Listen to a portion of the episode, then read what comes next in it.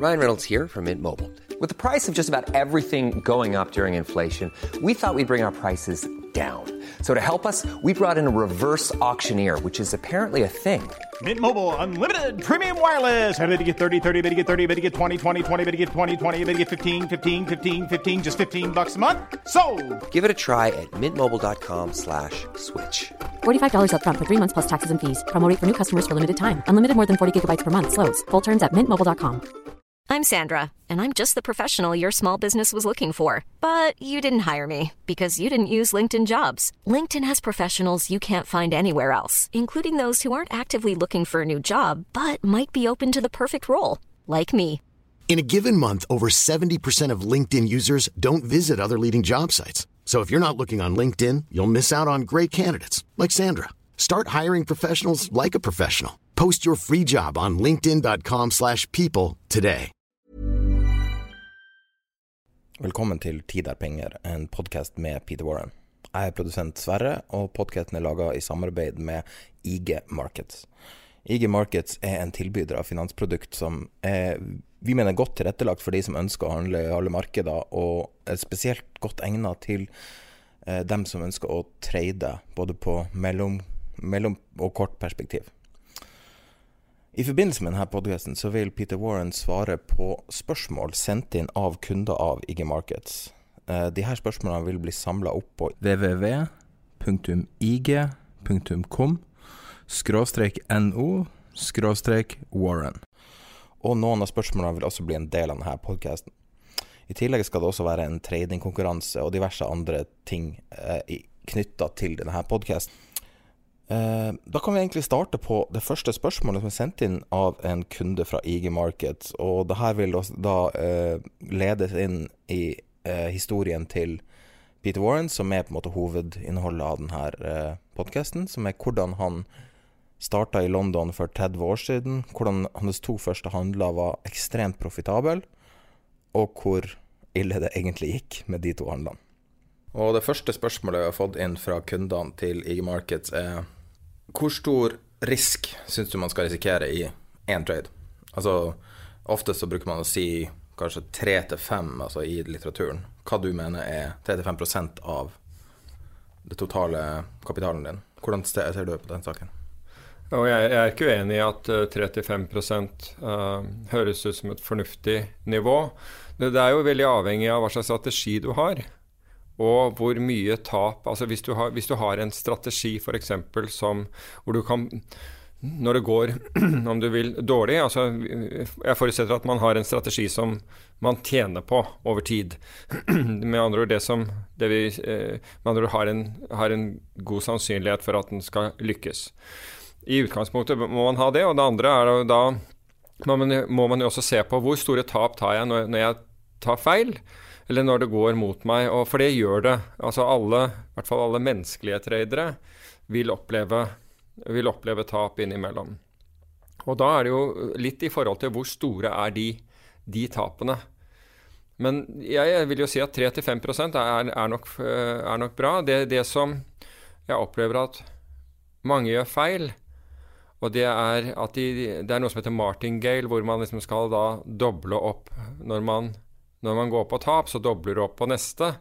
Altså, vi, det, altså Hvis du ikke er 100% sikker på at du har sannsynligheten i din favør, med andre du har gjort en enorm hjemmelekse, du har virkelig sjekket dataene dine, du har virkelig sjekket den modellen eller den eh, som, som, du bruker, um, så, så, så, er det Altså hvis, du, hvis den ikke gir et forventet positivt utfall, altså med andre at det er forventet å tjene penger, det betyr ikke på hver handel, men over et, eh, et, stort antall handler, så er det veien til ruin. Hvis du driver og dobler opp. Du skal faktisk gjøre motsatte. Altså Når kapitalen din blir mindre, så må, la, eh, så må, posisjonen din også bli mindre. Hvis de gjør det, hvis du passer på å det vi kaller scale back, altså i, i tider hvor, du, hvor, det går dårlig, at du faktisk reduserer posisjonsstørrelsene dine, da vil du på en måte aldri bli, bli slått ut av, ut, ut, ut av spillet i anførselstegn. Men hvis du dobler opp, og det gjør folk som regel pga. sitt eget ego, fordi de klarer ikke å, å, å, på en måte leve med, også i anførselstegn, at de har tatt feil, så vil du, vil du til slutt gå på smeller som, hvor det er slutt. Hvor, hvor, du ikke har penger igjen. Og det er faktisk en rekke kjente tradere som har gått på den der. Noen av de blir reddet av kamerater og sånn som låner de penger igjen i, når det går gærent. Som driver med den doble opp. Men hvis du ikke har da en rik onkel i bakhånd, så er det veien til, uh, til ruin. Så det gjelder da, som sagt å ikke risikere for mye hele tiden. Men det er også veldig avhengig av strategien din. Hvor mye risikerer du? Jeg risikerer ganske lite fordi, eh, fordi hver trade er eh, Jeg, jeg trader jo veldig aktivt, og intradag tar ikke med posisjoner over natt. Uh, og det gjør at, at, frekvensen på handelen er ganske høy, men på hver handel så risikerer jeg relativt, relativt lite. Eh, på hver, og det er ikke i nærheten av, av, av disse tallene engang. Eh, risikerer jeg sånn i forhold til formue eller noe sånt. Ikke i det, ikke det hele tatt.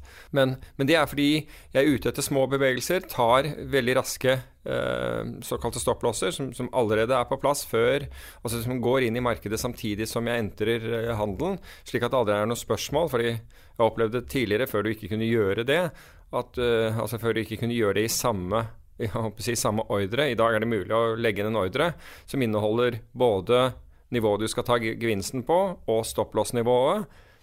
Og det kalles en OCO-ordre rundt det. Altså den, hvis du tar gevinst, så blir stopplåsen din annullert.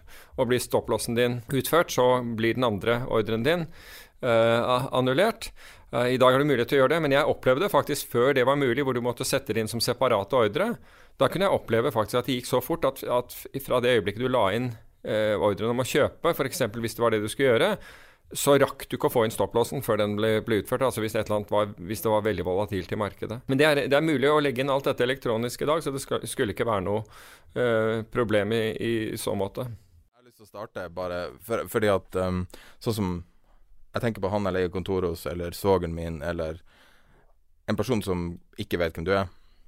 Og jeg, jeg, jeg vet uh, Jeg tror jeg kan bare to av tre av utdannelsene dine uten at jeg har sett på en cheat sheet. Men du er engelsk. Bodd ja. hele livet ditt i Norge. Ja, nesten. Tre utdannelser. En av dem er psykologi, ja. en av dem er statsvitenskap og Økonomi. Du har økonomi? Ja, altså jeg, jeg, tok jo økonomi og statsvitenskap. Det holdt jeg på med samtidig. Men var det voksen, så, så, eller var det voksen? Ja, ja, det, ja, det var uh, Altså, jeg begynte Altså, egentlig begynte jeg statsvitenskapsstudiet uh, mens, uh, mens, jeg var i, i, Forsvaret. Og da var du britisk? Ja. Og det var rett og slett for jeg trengte litt virkelighetsflukt. Altså, jeg trengte på en måte flukt fra den der, det der jeg kunne bruke på hodet. Vi hadde jo mye tid Uh, hvor man lå helt rolig, altså hvor, hvor ingenting uh, skjedde. Eller i hvert fall altså timer om dagen hvor vi ikke var aktive. Og, og, særlig når vi var på det som kalles deployeringer, altså hvor vi var, vi var ute, altså var i et annet land eller en konfliktsone eller et eller annet sånt. Så har du mm, timer om dagen hvor, hvor, du ikke gjør noe annet enn å stirre i veggen. Og jeg brukte da den bok... Altså hvis jeg ikke sov, så brukte jeg det da til å, til å lese. Først så leste jeg uh, uh, militære uh, temaer. Altså ikke militær historie, men altså alt fra altså teknikker og ting vi, vi, kunne ha bruk for. Se på den måten. Men så etter hvert så hadde jeg behov for å flytte hodet vekk fra det, og da begynte jeg å lese andre ting. Hvor lenge var du i Forsvaret? Litt over tre år. Tre år bare? Mm. Så det er bare en kort tid av livet mitt, egentlig. Jeg har inntrykk av, for at jeg har kjent deg ganske mange år nå, inntrykk av at det var kanskje ti år. Ja, og det er, det er akkurat Altså veldig Av en eller annen grunn så hefter folk veldig mye eh, av den, altså en kort periode i historien. Jeg, jeg, hver gang noen gjør det, så, så, pleier jeg å nevne det for dem at vær oppmerksom på at dette er en veldig kort periode i mitt liv. Men det er klart at når du er ung, og, øh, og opplevelser til det skal være ekstreme, så, så sitter de jo. Ikke sant? Akkurat som hvis du gjorde et eller annet som skremte vannet av deg i dag, så, så vil du neppe ha glemt det om en, om en, måneds tid, eller kanskje ikke et års tid. Og, at, og, og, hvis du er i en alder hvor, som, måte, hvor du blir formet, så, så, preger det deg mer enn den prosenten det utgjør av, av, av livet ditt. Um, men, men, men, du var Du var i Var det fallskjermjeger? var der jeg begynte, ja. ja også litt så. forskjellig rundt omkring spesialstyrker? Ja. Så du kan si at jeg var egentlig veld, veldig kort tid i fallskjermjegeren. Jeg var bare så vidt innom. Jeg gikk gjennom opptakskurset. Og, så, og, og så fikk jeg prøve meg. Så det var um, Så jeg var svært, svært uerfaren. Men det her, er, det her er jo bare CV-en din, men det tar litt tid å komme gjennom det, for du har ganske lang CV.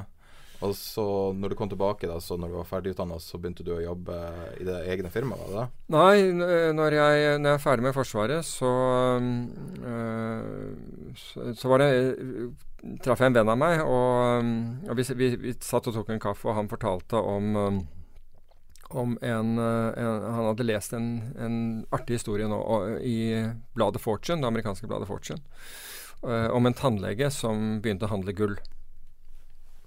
Og så fortalte han den historien øh, så interessant at jeg fikk låne bladet og lese, leste artikkelen. Og poenget med dette var at det var en tannlege som da Uh, Han så at han betalte veldig mye Det var den gangen man brukte gull som plomber. Og uh, han betalte veldig mye for gullet han kjøpte, langt over markedspris. Så fa han fant ut at han skulle kjøpe da gullet selv isteden. Og så begynte han med å gjøre det. Men så fant han ut at han egentlig var veldig god til å, å, å finne de riktige tidspunktene um, til å kjøpe gull, altså med andre mens gull, når gull var billig. Og det endte da med at han la ned praksisen og ble gulltrader på heltid. Og den historien, den på en måte tente meg. Og jeg tok da en eh, Så noen dager etterpå, jeg bodde i London på det tidspunktet, så tok jeg en telefon til eh, informasjonsavdelingen på London Metal Exchange. Jeg visste ikke at London Metal Exchange ikke hadde gull. Det var noe jeg oppdaget etterpå. Um, jeg trodde det var det naturlige stedet. Og han, informasjons, han på informasjonsavdelingen, han, eh, vi, vi snakket på telefonen, og etter kvarter eh, tid så sa han du, eh, kan jeg få invitere deg på lunsj? Jeg, jøss, jeg var jo ikke vant til sånne ting. Så dagen etter så møtte jeg han nede i Leadenhall Market i, i City av London. Eh, og, han, og han spanderte da lunsj på meg og spurte hva jeg hadde drevet med og, og, sånt noe. Og um, så tok han meg over gaten til en pub etterpå og presenterte meg for noen tradere. Og fortal, han fortalte da litt av min historie som jeg hadde fortalt han. Og så er det en av de gutta som sier du, kom opp om meg i, i morgen på, på jobb. Kanskje vi har en jobb til deg. Og så gjorde jeg det, da. Dagen etter så møtte jeg opp der sånn, og, og fikk jobb. Og da jeg Da fikk jeg jobb i det som på det tidspunktet var den største metallmegleren eh, i, i eh, London.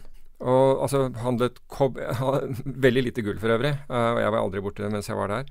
Men de, hadde, de var veldig store i kobber, aluminium, sink, bly og tinn og disse, disse tingene. Um, så, så jeg fikk jobb der, og, og det var rett og slett on the job training. Som Null utdannelse. Ja, så null, null utdannelse i forhold til det. Eh, ikke, ikke det hele tatt. Altså, jeg hadde jo hørt om tilbud og etterspørsel i, i økonomistudiet, men jeg hadde jo ikke noe greie på dette. Så sånn var, var, det jeg, øh, var det jeg kom inn der. Og så plutselig så, så viser det seg at jeg har litt talent for dette her. Så sånn begynte det. eh, Begynte det, eh, begynte det hele. Og så, et år etter, så reiser jeg tilbake til Norge på, på sommeren. Eh, min mor levde fortsatt, og hun var ved, fortsatt ved britiske ambassaden i Oslo. Og det gjorde at hun var på jobb på, på dagtid, og jeg hadde ikke noe å gjøre, så da dro jeg ned på Oslo Børs, for jeg hadde hørt at det var en børs i Oslo. Og, og fikk eh, adgang til biblioteket der. Og det viste seg at det var, altså der var det så stille. Der var det så folk, få folk. At når noen gikk inn på biblioteket der, da fikk børskommissæren, som det het i de dager, han fikk beskjed om at nå er det noen som er inne på biblioteket vårt. Altså nå er det en, nå er det en besøkende her. Så han kom ut. Og um, han kom ut og hilste på meg. Altså, eller kom inn på biblioteket og hilste på meg. Spurte hvem jeg var og alt mulig sånn. Jeg fortalte det der, hva, hva jeg drev med, og jeg, om det var greit at jeg, at jeg kikket på, på norske aksjekurs og norske selskaper og prøvde å forstå det. Ja, det var, var velkommen til det. Og jeg kom da ned ved lunsjtider hver eneste dag. Så dro jeg ned der, altså midt på dagen. Og hver eneste dag i lunsjen kom han inn og snakket med meg. Og på fredagen så spurte han om du, du kunne ikke tenke deg å, å, å ha en jobb for meg. Jeg trenger noen som, har, har, som kjenner folk eh, i, i City, og det hadde jo da etter hvert begynt å få et kontaktnett på, selv om det var relativt lite. Eh, men som har litt andre ideer, og som har sett litt andre ting. Og så tenkte jeg at dette er antageligvis den eneste gangen i, i min karriere, sånn som, i hvert fall sånn som jeg kunne se den for meg, Jeg hadde jo på en måte ønsket å drive med trading. Hvor, jeg har lyst til å se, hvor, hvor det er aktuelt å se en børs fra innsiden. Men det kan være nyttig å ha sett en børs fra innsiden. Forstått en børs, hvordan det virker. Så jeg gjorde det. Da du starta opsjonstrading? Nei, nei, nei, det var mange mange år etterpå. Altså dette, så dette her er i, i 81. Og, og, så er jeg der et års tid, og i løpet av det året så treffer jeg en kar som heter Dag Fugt, som var den eh, første mannen i Norge som drev med teknisk analyse. Og han kom hver eneste dag for å hente kurs, øh, øh, kursark på børsen, disse kurslistene, som han da tok tilbake til sitt kontor, som lå nederst i, øh, i Karl Johan, akkurat med Karl Johan Dronningens gate, første kvartal der, og lagde chart. Og vi, vi, pratet hver dag, og, og jeg hadde jo no, noe erfaring fra, fra, dette her selv, fordi dette var jo ikke Dette brukte man i, i, London. altså Det var en av de første tingene jeg husker jeg spurte uh, disse traderne om. det Allerede på puben spurte jeg om det, fordi jeg kom jo da med jeg drev jo og lærte meg fundamentalanalyse gjennom, gjennom studiet og snakket om de der, og de ristet bare på hodet av det der. Og, og så, det, det brød de seg veldig lite om. Uh, så spurte jeg hva, hva, liksom, hva, bruker dere? Og da sa de der, de så på chart. Så sa jeg ja, hva er det det gjør? Ja, det, det grafisk viser tilbud og etterspørsel. Den tilbudet og etterspørsel som ikke vises på, på chartet, den er ikke i kursen. Altså, den, den, den, bryr ikke kursen seg om, så den er ikke vi interessert i. Og sånn var det jeg kom bort borti det i det hele tatt. Men var det charts Altså, hadde du charts i markedet i det hele tatt, eller var det Du, du tegnet dem selv. Du tegnet dem selv? Ja. Men jeg, jeg tror Rudolf Wolff også abonnerte på noen uh, chart-servicer også, så jeg fikk sikkert noen kopier av det. Men jeg, men jeg lagde mine egne, da. Men ble ikke det en business etter hvert? Jo, men det, jo. Så, så, du kan si at Dag Fugt da, eh, drev da og, og, solgte dette. Han solgte ikke chart, men han solgte en, en rådgivningstjeneste. Og hadde på en måte de, de største norske porteføljeforvalterne som kunder. Altså de virkelig, de virkelig store mm. gutta der ute. Og et håndfull øh, hva man kaller rike privatpersoner. Og, så jeg begynte hos han, og han satt og førte dette for, for han, og så sa jeg hvor, hvorfor Kanskje vi skal ta dette her et skritt til. Hva med om vi lager en kursdatabase? For han hentet jo et ark hver eneste dag, en ny kursliste hver eneste dag, og så begynte han å tegne dette her selv. Og her er den der greia som, som jeg har vært veldig heldig med i, gjennom hele karrieren, det er at når jeg har hatt noen over meg, så har, jeg, har, de, har, det vært folk som har latt meg løpe med ballen. For Du kan være så god du vil og ha så mye ambisjoner du vil og så mange ideer du vil, men hvis du ikke har noen som lar deg løpe med ballen, så, så stopper jo alt. Og Dag Vogt lot meg løpe med ballen. Han sier ok, greit, hvordan har du tenkt å gjøre dette her? Og så vet du hva, Jeg kom borti en kar mens jeg var i militæret. Han drev riktignok med avlytting og sånt, men han var, han var helt rå med med datamaskiner og dataprogrammer. Han kunne skrive alt mulig rart. Ja, så, så, spurte han om jeg kunne få tak i han. Ja, det, det kunne jeg.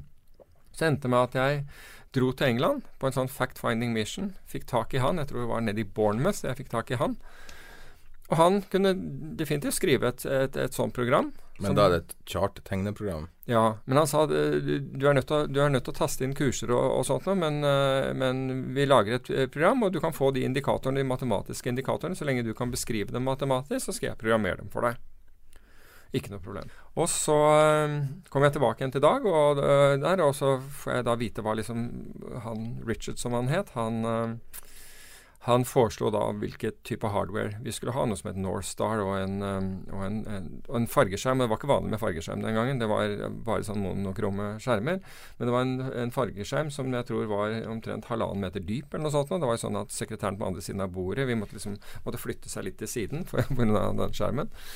Um, og så, så jeg reiste rundt da, i Europa og plukket opp deler til denne her, og eh, software. Og så var det å ta og gå og ta alle kurslistene vi hadde. Og da tok vi tre år med daglig data på Oslo Børs.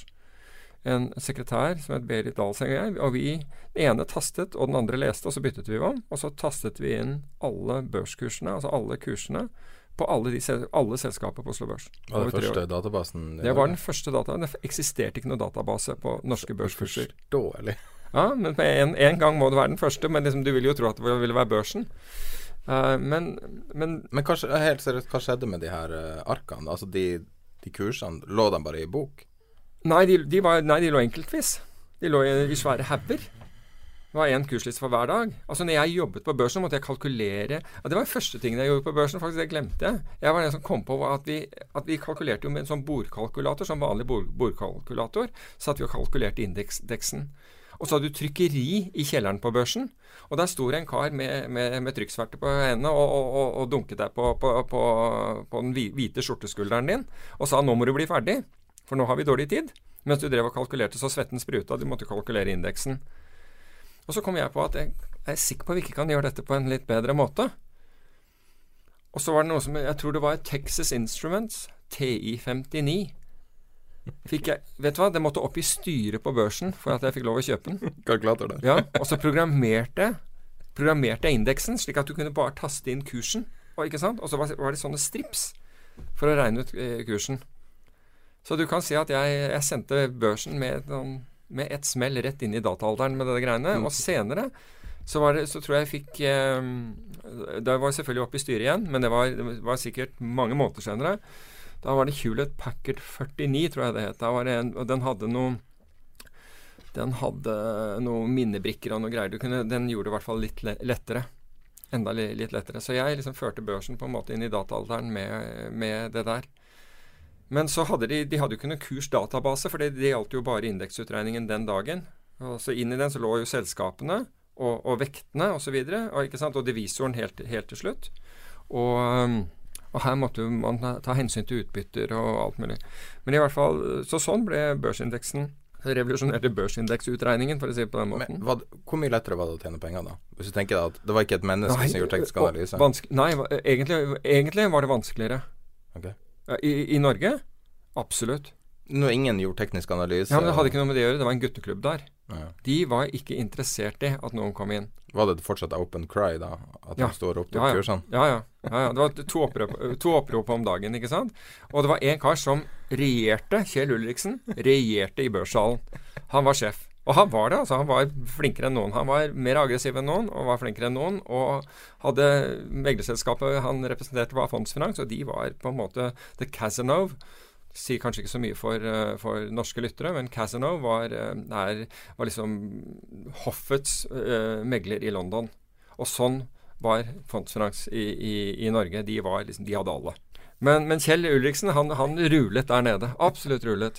Og så var det slik at altså, meglerne kunne jo selv bestemme hvilke, om, om, det skulle komme flere meglere inn, og hvem som skulle bli meglere. Så du burde jo helst ha altså Etternavnet på de fleste av disse her hørtes ut som du ropte opp en skoleklasse, ikke sant? fordi de hadde så mange etternavn. Altså Du burde helst ha en tre-fire hvis, hvis, du skulle være der nede. Men de folkene der nå eh, altså Kjell Ulriksen er jo et kjent navn, men, men hvor mange av dem feida når systemet endra seg? Klarte de å Ja, nesten alle. Nesten alle. Så de hadde bare liksom Ja, men altså Kjell var veldig god på, på, det han var god på. Men det er klart at når børsen da mange år senere gikk helt, helt data Altså hvis du er en floor trader og bruker på en måte emosjoner og, og, og, og din egen uh, presence, tilstedeværelse, ja. ikke sant? påvirker på en måte det som, det som, skjer, så får du ikke gjort det gjennom, uh, gjennom en dataterminal. Han var rask. Han så ting. Han så mimikk og hva andre gjorde, og, og kunne på en måte bruke det. Mens når du sitter og ser i en dataskjerm, så får du lite av, av, av den informasjonen. Det fins informasjon der også som kommer, som man egentlig ikke tenker på. Men, uh, men den var det han. Altså, han, han var helt suveren. Helt suveren der nede. Så, han, så kom Jan Petter Sissener, og han var på en måte en young buck som dro til. Ja, jo, ja, ja, han gjorde det virkelig. Han, han, dro virkelig til, han. Og han var liksom friskt blod der nede, for det var e, eneste som på en måte turte å gå opp mot, uh, mot Kjell Ulriksen. Altså sånn i uh, dette utnyttet jo da Kjell Ulriksen. altså Han utnyttet på en måte en menneskelig svakhet som lå i det og prestisje og mye sånn. Så han var jo han, han han, øh, han, han, vant altså han vant, De duellene vant Kjell oftere enn han tapte, for å si vesentlig oftere. Uh, men, men, uh, men, Jan Petter Sissener var definitivt et veldig friskt blod som kom inn der. Absolutt, for da kom det inn noe nytt. Og det var ikke mye nytt som kom inn der, egentlig. Det var, det var, men det var et uh, det var en, en, en gruppe med, med, meglere, hvorav nå flere, flere kvinner, som Uh, så det var, var et, på en måte et interessant samfunn. Men, men meglerbransjen som sådan, altså finans i Norge, var ekstremt kontrollert. Det var jo kontrollert av Altså, det var bukken og havresekken. Men hvem var det, hvem var det som var powerplayerne da? For nå er det jo veldig vanskelig. Det var, altså Fondsfinans var nummer én. Ja. Absolutt nummer én. Så var selvfølgelig bankene store. Da var det Nors Norske Kredittbank og Kredittkassen og Bergen Bank. ikke sant? De representerte De var store der nede. Det Var ikke noe som het Oslobanken også? Ja, men den, den tror jeg aldri fikk set, Den tror jeg aldri hadde sett på Oslo Børs. Det var jo en bank som, som ble, ble, startet i Oslo. Men uh, den hadde vel aldri Så vidt jeg vet, jeg kan ta feil. Um, men uh, jeg tror ikke den hadde sete på Oslo Børs, men den var, den var jo notert på Oslo Børs. Men nå, nå sånn som ditt liv har utviklet seg, da, mm. uh, så det er ganske langt unna børs. Og så vidt jeg vet, så er det en stund siden du har handla aksjer, i hvert fall i tradingform. Ja. Eh, var det noen som drev altså, Var det et sånn klart skifte for deg når du gikk til mer likvide instrumenter? Altså, jeg kom jo fra et tradingmiljø hvor det var, var likviditet og, og, og, og altså, altså, prisen på kobber eh, som da er, er, det viktigste av de industrielle metallene. På det tidspunktet brukte de alt. altså Bilindustri, jernbane, eh, ammunisjon ble brukt til elekt, altså elektriske kabler. Alt. Så der var det jo stor konkurranse, og det, var, og det markedet var jo på gulvet selv om jeg aldri var på gulvet. Eller jeg var nede på gulvet, men jeg, jeg var ikke gulvmegler. Var egentlig der nede for å se, men jeg satt oppe. Uh, så, så, jeg lærte jo på en måte dette her i, i, et marked som først ikke bare hadde to opprop om dagen, men som handlet hele dagen. De hadde jo opprop der også, men markedene handlet uh, kontinuerlig. Og, og, og, du hadde hele verden, på en måte, som, som kjøpte og solgte uh, kjøpte Da var det en pit? Ja, ja en ring. Pit. Ja, Det kalles ikke en pit. fordi den, altså Pitten, da, da, går den ned, men, ja. men på London Metal Exchange var det ringer. Og det, altså, det er sofagrupper i ring, rett og slett. Der satt folk to lange sofaer, eh, eller buede sofaer, altså buede innover, hvor, hvor, gutta satt. Men var ikke Jeg syns finans er mer romantisk da. Det at, at du kunne se hvem du deala med, og jo, altså, altså characters, altså folk med Altså, det dukket jo opp uh, navn, om du vil, ikke sant. Altså, du, noen av disse her var mer jeg vet ikke hva Flamboyant, hva blir det på norsk? Er det fargerik, eller noe? Fargerike, altså, sånn, ja, ikke sant? Altså uh, var uh, høyrøstede og gærne, og noen var sinte og alt mulig. Så folk hadde sin karakteristika, da. Det er vanskelig å si at noen er sint på den andre siden av en dataskjerm. Mm. Uh, når du ser kursene. Du tror det er men kan, folk gjør, blir jo det da også. Men uh, jeg vil ikke si at det var romantisk, fordi egentlig så var det jo Altså, det, det var ikke noe spesielt. Det var mer det. Det var ikke noe spesielt. Altså, det der å være i finans var ikke noe kult og hot. Det, det, kom først etter the big bang, når, når, eh, når, altså når, man tillot amerikanske banker å etablere seg i Eller utenlandske banker, for å si det på den måten, men vesentlig så var det amerikanerne som kom, og tyskerne, i London. Da begynte ting å bli kult, for da begynte lønningene å komme, for det var vanvittige lønninger. Altså, altså, over natt. Husker du hvordan år det var der? liksom? The Big Bang, nei, husker ikke farten. Um, jeg har aldri hørt den termen. Ja, nei, The Big Bang, det var vel sent på hva kan Det være? Det var vel midt på 80-tallet, tenker jeg. Ja. Kanskje sent, sent på 80-tallet, men da ble, da ble tiden alt snudd opp ned. For amerikanerne kom inn. Store investmentbankene fra altså Chase, uh, Chase? Og, altså Chase Manhattan Bank og det som er JP Morgan i dag, uh, og andre. Og, og de skulle ha topp talenter. Og de betalte hva som helst. Og folk hev seg på. Og dette, Det måtte ha vært før 87. Mange hev seg på, fikk doblet og tredoblet øh, lønningene sine. Da plutselig ble det kult. Da plutselig så du meglere som kjørte sportsbiler og sånt. Og før det så, så var dette veldig low key. Var ikke noe, var ikke noe kult yrke. Um, I London, vel, vel å merke. Um, og, men etter The Big Bang så, så, endret det seg voldsomt. Hele kulturen endret seg voldsomt, ble mye mer aggressiv. Um, Datamaskina kom inn? Nei. Nei, egentlig ikke. Det, det, det, kom først senere. Altså, du begynte å se datamaskiner, men det ble ikke noe fart i, i det. Og så, øh, og så fikk du smellen i 87, og et, etter det Jeg mener at det er. Jeg håper ikke jeg tar helt feil, feil med, med, med, årene her. Men øh, altså, jeg var jo ute av London lenge. Altså, jeg var jo på det tidspunktet her i Norge. Uh, men, og da plutselig fikk Og det man ikke var forberedt på da, det var at folk ble sparket i samme fart. I samme takt. Så de som hadde tjent voldsomt sant, og virkelig følte og hadde lagt seg til en høy livsstil, dyre lån, alt dette her, bom, så var det borte. Og amerikanerne hadde ikke sånn der, det var ikke noe sånn seks måneder lønn eller ett års lønn eller et eller annet sånt. Det var bom, du var ute på dagen. Du var heldig hvis du ble betalt ut uken. Det var en helt annen greie. Husker du eh, hvor du var eh, på eh, hva det kalles Black Whatever på 87 når det smalt? Hvor jeg var? Ja, husker, husker du det skal jeg love deg.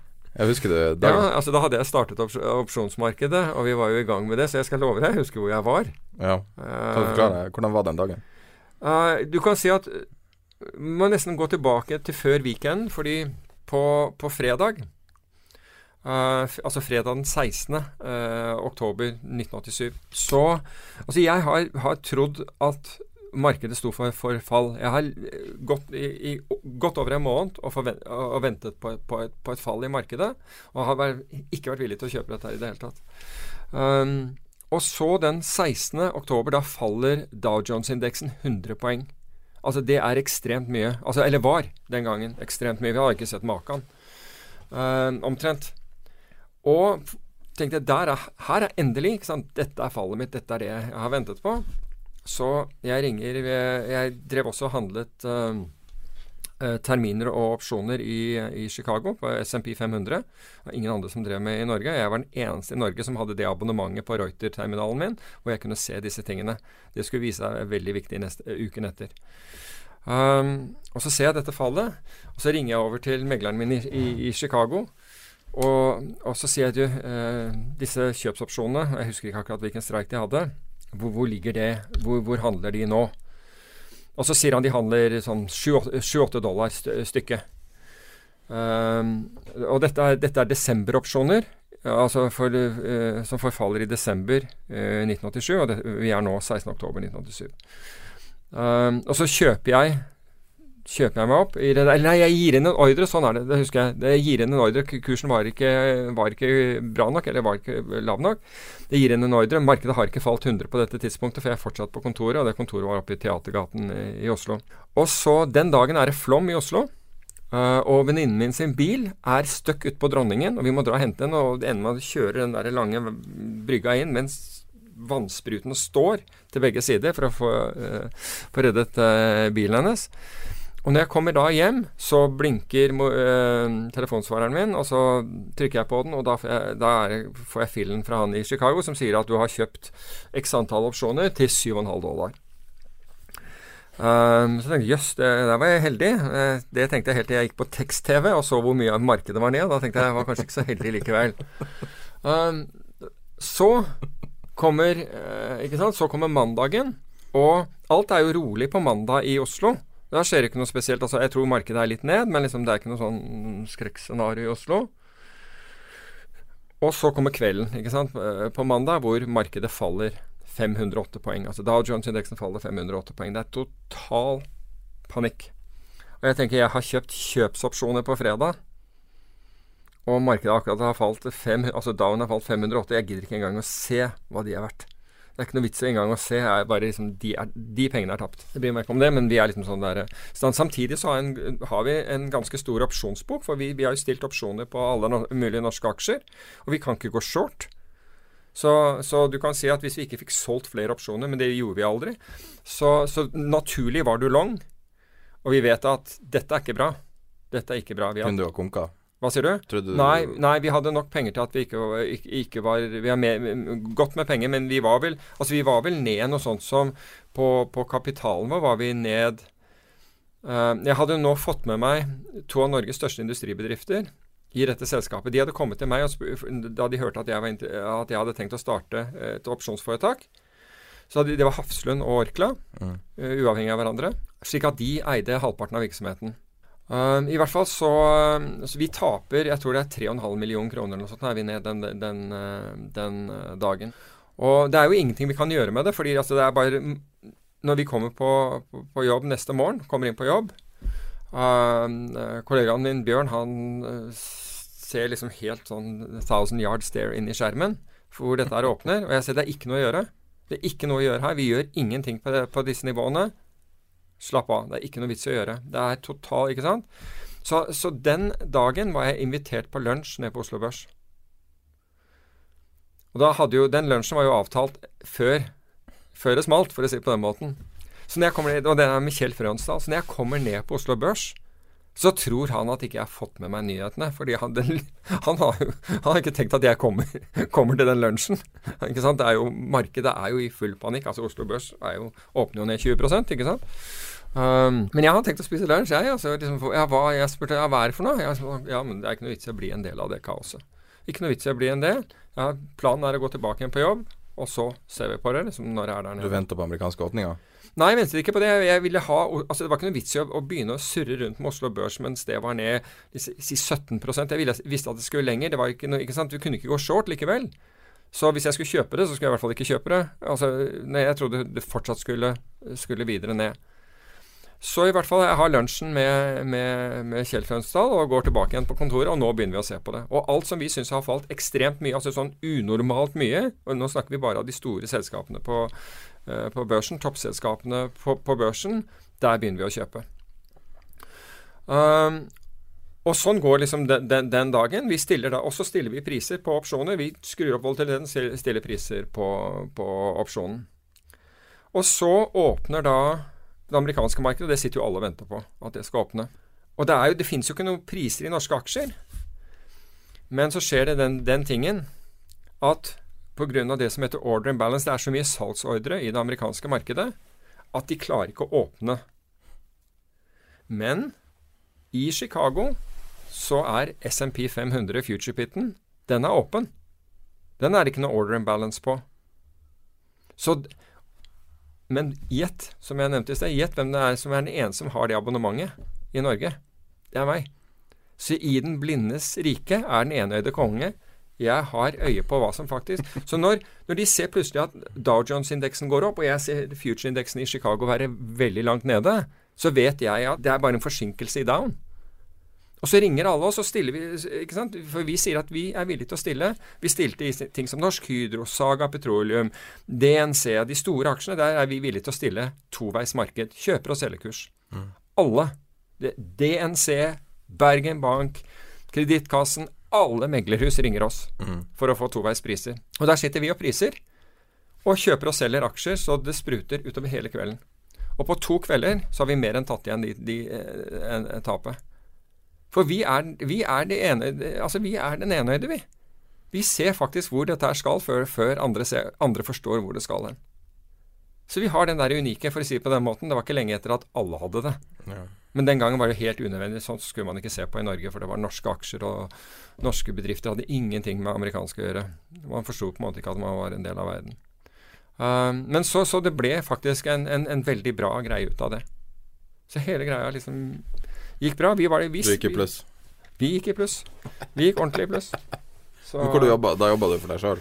Ja, da hadde jeg startet Morgate Options. Og da hadde du solgt det forrige selskapet? Nei, da hadde altså, du kan si jeg hadde Morgate, som, som ble startet da, da, Altså, det forrige selskapet, det Fukt og Fukt, som drev med analyser, det altså, Jeg ble partner i det, og så ble det kjøpt av Kredittkassen, det som er i Nordea i dag, i 1983 for 12 millioner kroner. Mm. Og i 1983 så var 12 millioner kroner faktisk penger. Ja. Og jeg hadde da en bindingstid på fire og et halvt år et etter det. Og etter at den var gått ut, så startet jeg dette. Så jobba du i Kredittkassen?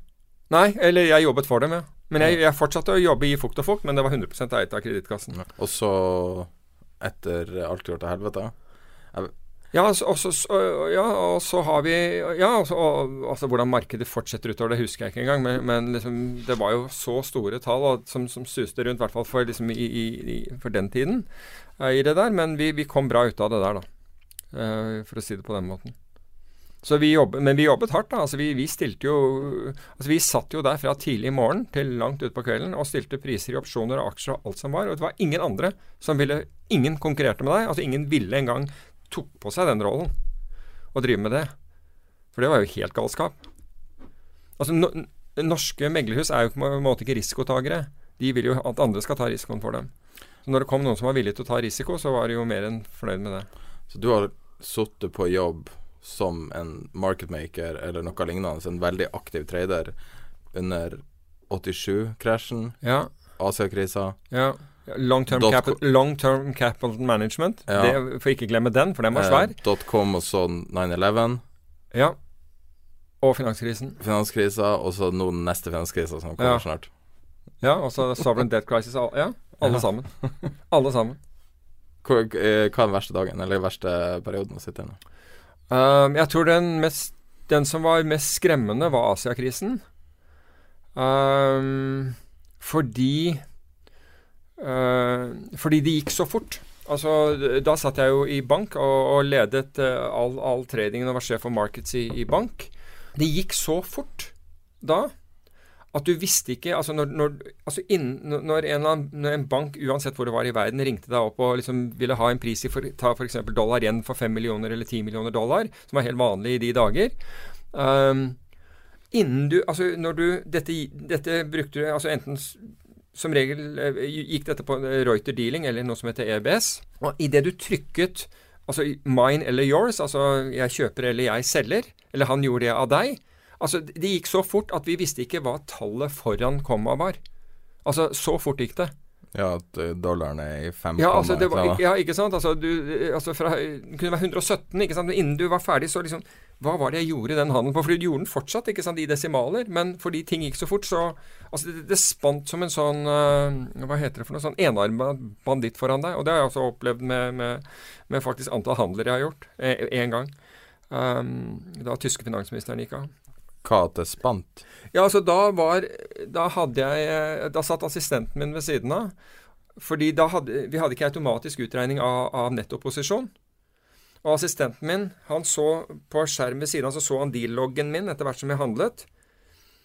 Og da så han skulle ta eh, og Da handlet jeg euro dollar. Det var da eh, Dominic Strauss-Kahn Nei, var det det? Nei, ikke Strauss-Kahn. Det var ikke det. Jeg husker ikke hva Hadde franskaktig navn. Gikk, gikk av. Ja, ja, jeg vet ikke. Um, men i hvert fall, da gikk det så vanvittig fort at han, han klarte ikke å følge med. Han prøvde å finne ut Jeg sa prøv å finne ut innen fem millioner euro, altså eller 5 millioner dollar, hvilken vei jeg er. For da, da sitter jeg bare og trader. Ehm, Telefontrade eller skjermtrade eller Uh, nei, det, det, det, begge deler faktisk. Fordi jeg har brokere som roper også. Men det vesentlige gikk på, på et eh, system som heter EBS, altså Electronic Broker Services, som valuta, eller var den gangen, største valutahandelssystemet i valuta. Uh, og vi hadde, hadde rett og slett problemer med å vite posisjonen. Altså, for jeg bare handlet. Jeg hadde vært, det verste var jeg hadde vært ute til lunsj den dagen sammen med representanten, eh, europarepresentanten, ikke Europa, men han som dekket Skandinavia for, for EBS. Og så gikk vi tilbake til banken, og i det vi kommer inn, akkurat idet vi kommer inn, så smeller det. Altså da melder han sin avgang, og helvete er løs. Og jeg setter meg ned, og han Og da er det på. Han sa dette her er, er nesten utrolig, sa han. Og så, bare, så sa han jeg skal la deg være, i- være i fred. Så han stepper vekk mens jeg holder på. Um, og da pågikk det i nesten to timer. Og på de Nei, unnskyld, på ja, eller time og 40, og da hadde jeg gjort tror jeg var 365 handler. Um, og som høres ganske mye ut. Var du opp, da? Uh, ja, jeg var det. Um, men uh, Men er det en sånn Magnus Carlsen-modus, liksom, når du, du bare har en følelse for Nei, du ser nivåer og føler ting og, og, og bare er Du er veldig til stede. For det hvis du ikke er til stede, så, er, så blir du påkjørt, og så er det over. Men uh, Men det er vanskelig å forstå for en person som ikke har sittet med og vært uh, marketmaker, eller og hatt så store posisjoner som mange posisjoner. Hva er det du ser etter? Nei, altså du, jeg, jeg, skal, jeg, jeg kan sammenligne det med Jeg husker en venn av meg uh, Og jeg gikk ned på en idrettsplass som grenset til E18 da jeg var barn. Og han plukket ut alle bilene. Han sa det er en Opel, det er en Ford, det er en folkevogn osv. Så sånn. For meg var de bare biler. Jeg så at de så forskjellige ut, men jeg kunne ikke noe om dem. Men altså etter å ha studert de der i bilene over noen dager, så kunne jeg også si det. Og sånn er det litt med markedet. Det tar kanskje litt lengre tid. Men hvis du ser lenge nok på det, så finner du på en måte en rytme og et mønster osv. i det. Det er vanskeligere i dag enn det var, den gangen, syns jeg. I hvert fall i det veldig korte bildet. Fordi det, skjer, fordi det er så mye støy i dag. Altså det er så mye datastøy. Uh, mens den gangen var, var det ikke på langt nær Da var det mye mer genuine ordre. ikke sant, Alt sammen som, som gikk igjennom. Og det var ikke folk som prøvde å dytte markedet i en eller annen retning, for det var ingen som hadde tid til. Um, Ja, er det det nå, da? ja, ja. I dag er det hele tiden. Hele tiden. Hver eneste dag, hvert eneste minutt, hvert eneste sekund så er det noen som driver og dytter på og prøver å finne svakheter i markedet. Algoritmer som rett og slett er ute etter å se en eller annen svakhet og, og skyve, på, på markedet hvis det kan. Men de er ikke dumme på den måten at altså de, de pinger, som vi heter altså sånn, Pinging kommer fra, fra ubåtspråk. ikke sant, når, eh, når, båter ligger over med sonar og leter etter dem, og så pinger de for å se om de får om de får ekko ikke sant, fra, fra, metall. Og sånn gjør de med ordrene dine. De sender bitte små ordre. Ufattelig frustrerende for, de, for, deg som prøver å gjøre et, et ordentlig volum. Bitte små ordre inn. F.eks. Uh, 1000 euro ikke sant, når du ligger greier med, med, en, med, en, ordre på en million eller to millioner euro, eller noe sånt, så kommer det sånn ping med det derre. For han, han, prøver å finne ut er du reell, eller er du en av disse som bare flykter, som bare flytter seg med alle priser som foregår. Så finner han at du er, at du er Ikke sant? Og så pinger han deg, og så står du der fortsatt. Ah, da er du, da er du genuin. Da er du antageligvis en ordentlig ordre. Nå prøver han å utnytte deg. Så hvis du er La oss si du er selger på kurs 20, så går han selger 19,9 rett foran deg med et mindre beløp. Mm. Hvis han nå får solgt der La oss si at han får solgt La oss si at, ligger, la oss si at du ligger der med, med 2 millioner. Han legger seg der med 100 000. ok? Så selger han 80 av de 100 000 og får kjøpt de tilbake billigere. Nå flytter han, ikke sant. Nå, nå øker han den der til 100 000 igjen. Får kjøpt tilbake billigere. Du får ikke gjort noe fordi han ligger der og surrer, ikke sant. Mm. Idet han blir påkjørt med mer enn 100 000, så bråsnur han seg, for han er kjemperask eh, system, og selger det til deg. Så han risikerer bare at kursen går fra 19,9 til 20, mens han kanskje henter fem ganger så mye hver gang han tjener penger. Mm. Så han kan faktisk gjøre denne loopen mange ganger. Men han, han, det er ingen nytteverdi i han whatsoever for, for, for ekosystemet og markedet. Han, han, tilfører ingenting. Han er, han er, et skadedyr kun. Men nå er, nå er vi liksom på sånn Vi har kommet til vi har kommet til, As ja. Asia-krisa, men det er interessant fordi at eh, også, eh, Altså Asia-krisen er, er, som sagt spesiell fordi Og det skjer ting i Asia-krisen som, som, på en måte ble Kunne vært life-changing uh, for meg. Um, men i, altså det ene er det der at det går så fort at du omtrent ikke vet altså hvilket hovedtall du har handlet til. Uh, la, la, oss si at du handler en aksje som har kurs 300, og før du klarer å få bekreftet den, så er kursen 200. Men hvis du tar en annen dag som er spesiell, der du har kanskje unike forutsetninger i å være kjapp og analysere 11.9. Uh, ja, Satt du foran skjermen da? Nei. Da befant jeg meg Altså akkurat når det skjedde? Nei, da var jeg i Holmestrandsduellen. Jeg var på vei ned til Jarlsberg flyplass for å hoppe fallskjerm. Mm. Så for, du har ingen forhold til uh, Eller du Jo, jeg var fortsatt sjef for tradingen. Ja. Hva du gjorde da? Ja, altså det var sjefen hadde bestemt at Altså sjefen hadde blitt kontaktet av Flytogmagasinet. Altså dette var Flytoget Det var ganske nytt i Norge. Fly, okay? Flytoget. Ja, men det er helt sant. Sjefen i banken hadde blitt kontaktet av Flytogmagasinet, som av en eller annen grunn var en journalist der som hadde lyst Som syntes at jeg hadde en interessant bakgrunn og hadde lyst til å skrive om det. Og så hadde han eh, der og lurte på om han kunne låne meg. Og så hadde han da for å, eh, sagt til sjefen i banken at dette skal komme ut Dette er høstnummeret vårt, det som kommer på slutten her. Det er det mest leste av forretningsfolk. Så sier, så sier eh, sjefen i banken han sier greit, dere kan låne han. Det er ålreit. Så jeg får da beskjed om å, å, bli med denne her Eller jo, så gjør jeg noen greier med en journalist, og så får jeg beskjed om å bli med en fotograf. For han har lyst til å, å ta bilde av, av, at jeg hopper ut av et fly. Og vi er da på vei ned til Jarlsberg flyplass, hvor jeg har eh, ordnet med, med et fly for at jeg skal hoppe fallskjerm. Og så dette er, dette er, den tiden hvor du hadde, hvor du hadde eh, personsøkere. Uh, og så kommer det da på person, uh, personsøkeren min uh, For jeg hadde en, en hvor, hvor, du hadde alfanumerisk tekst, og så kommer det fly gjennom uh, fly. Uh, fly har fløyet inn i World Trade Center.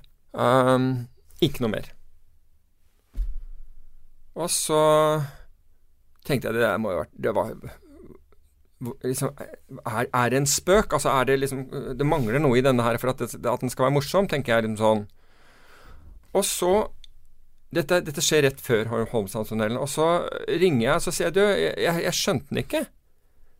Nei, det er, det er, sant, sier hun. Det er fly som er fløyet inn i Ja, hvordan vet du det, sier jeg. Vi ser det på, vi det er på TV nå.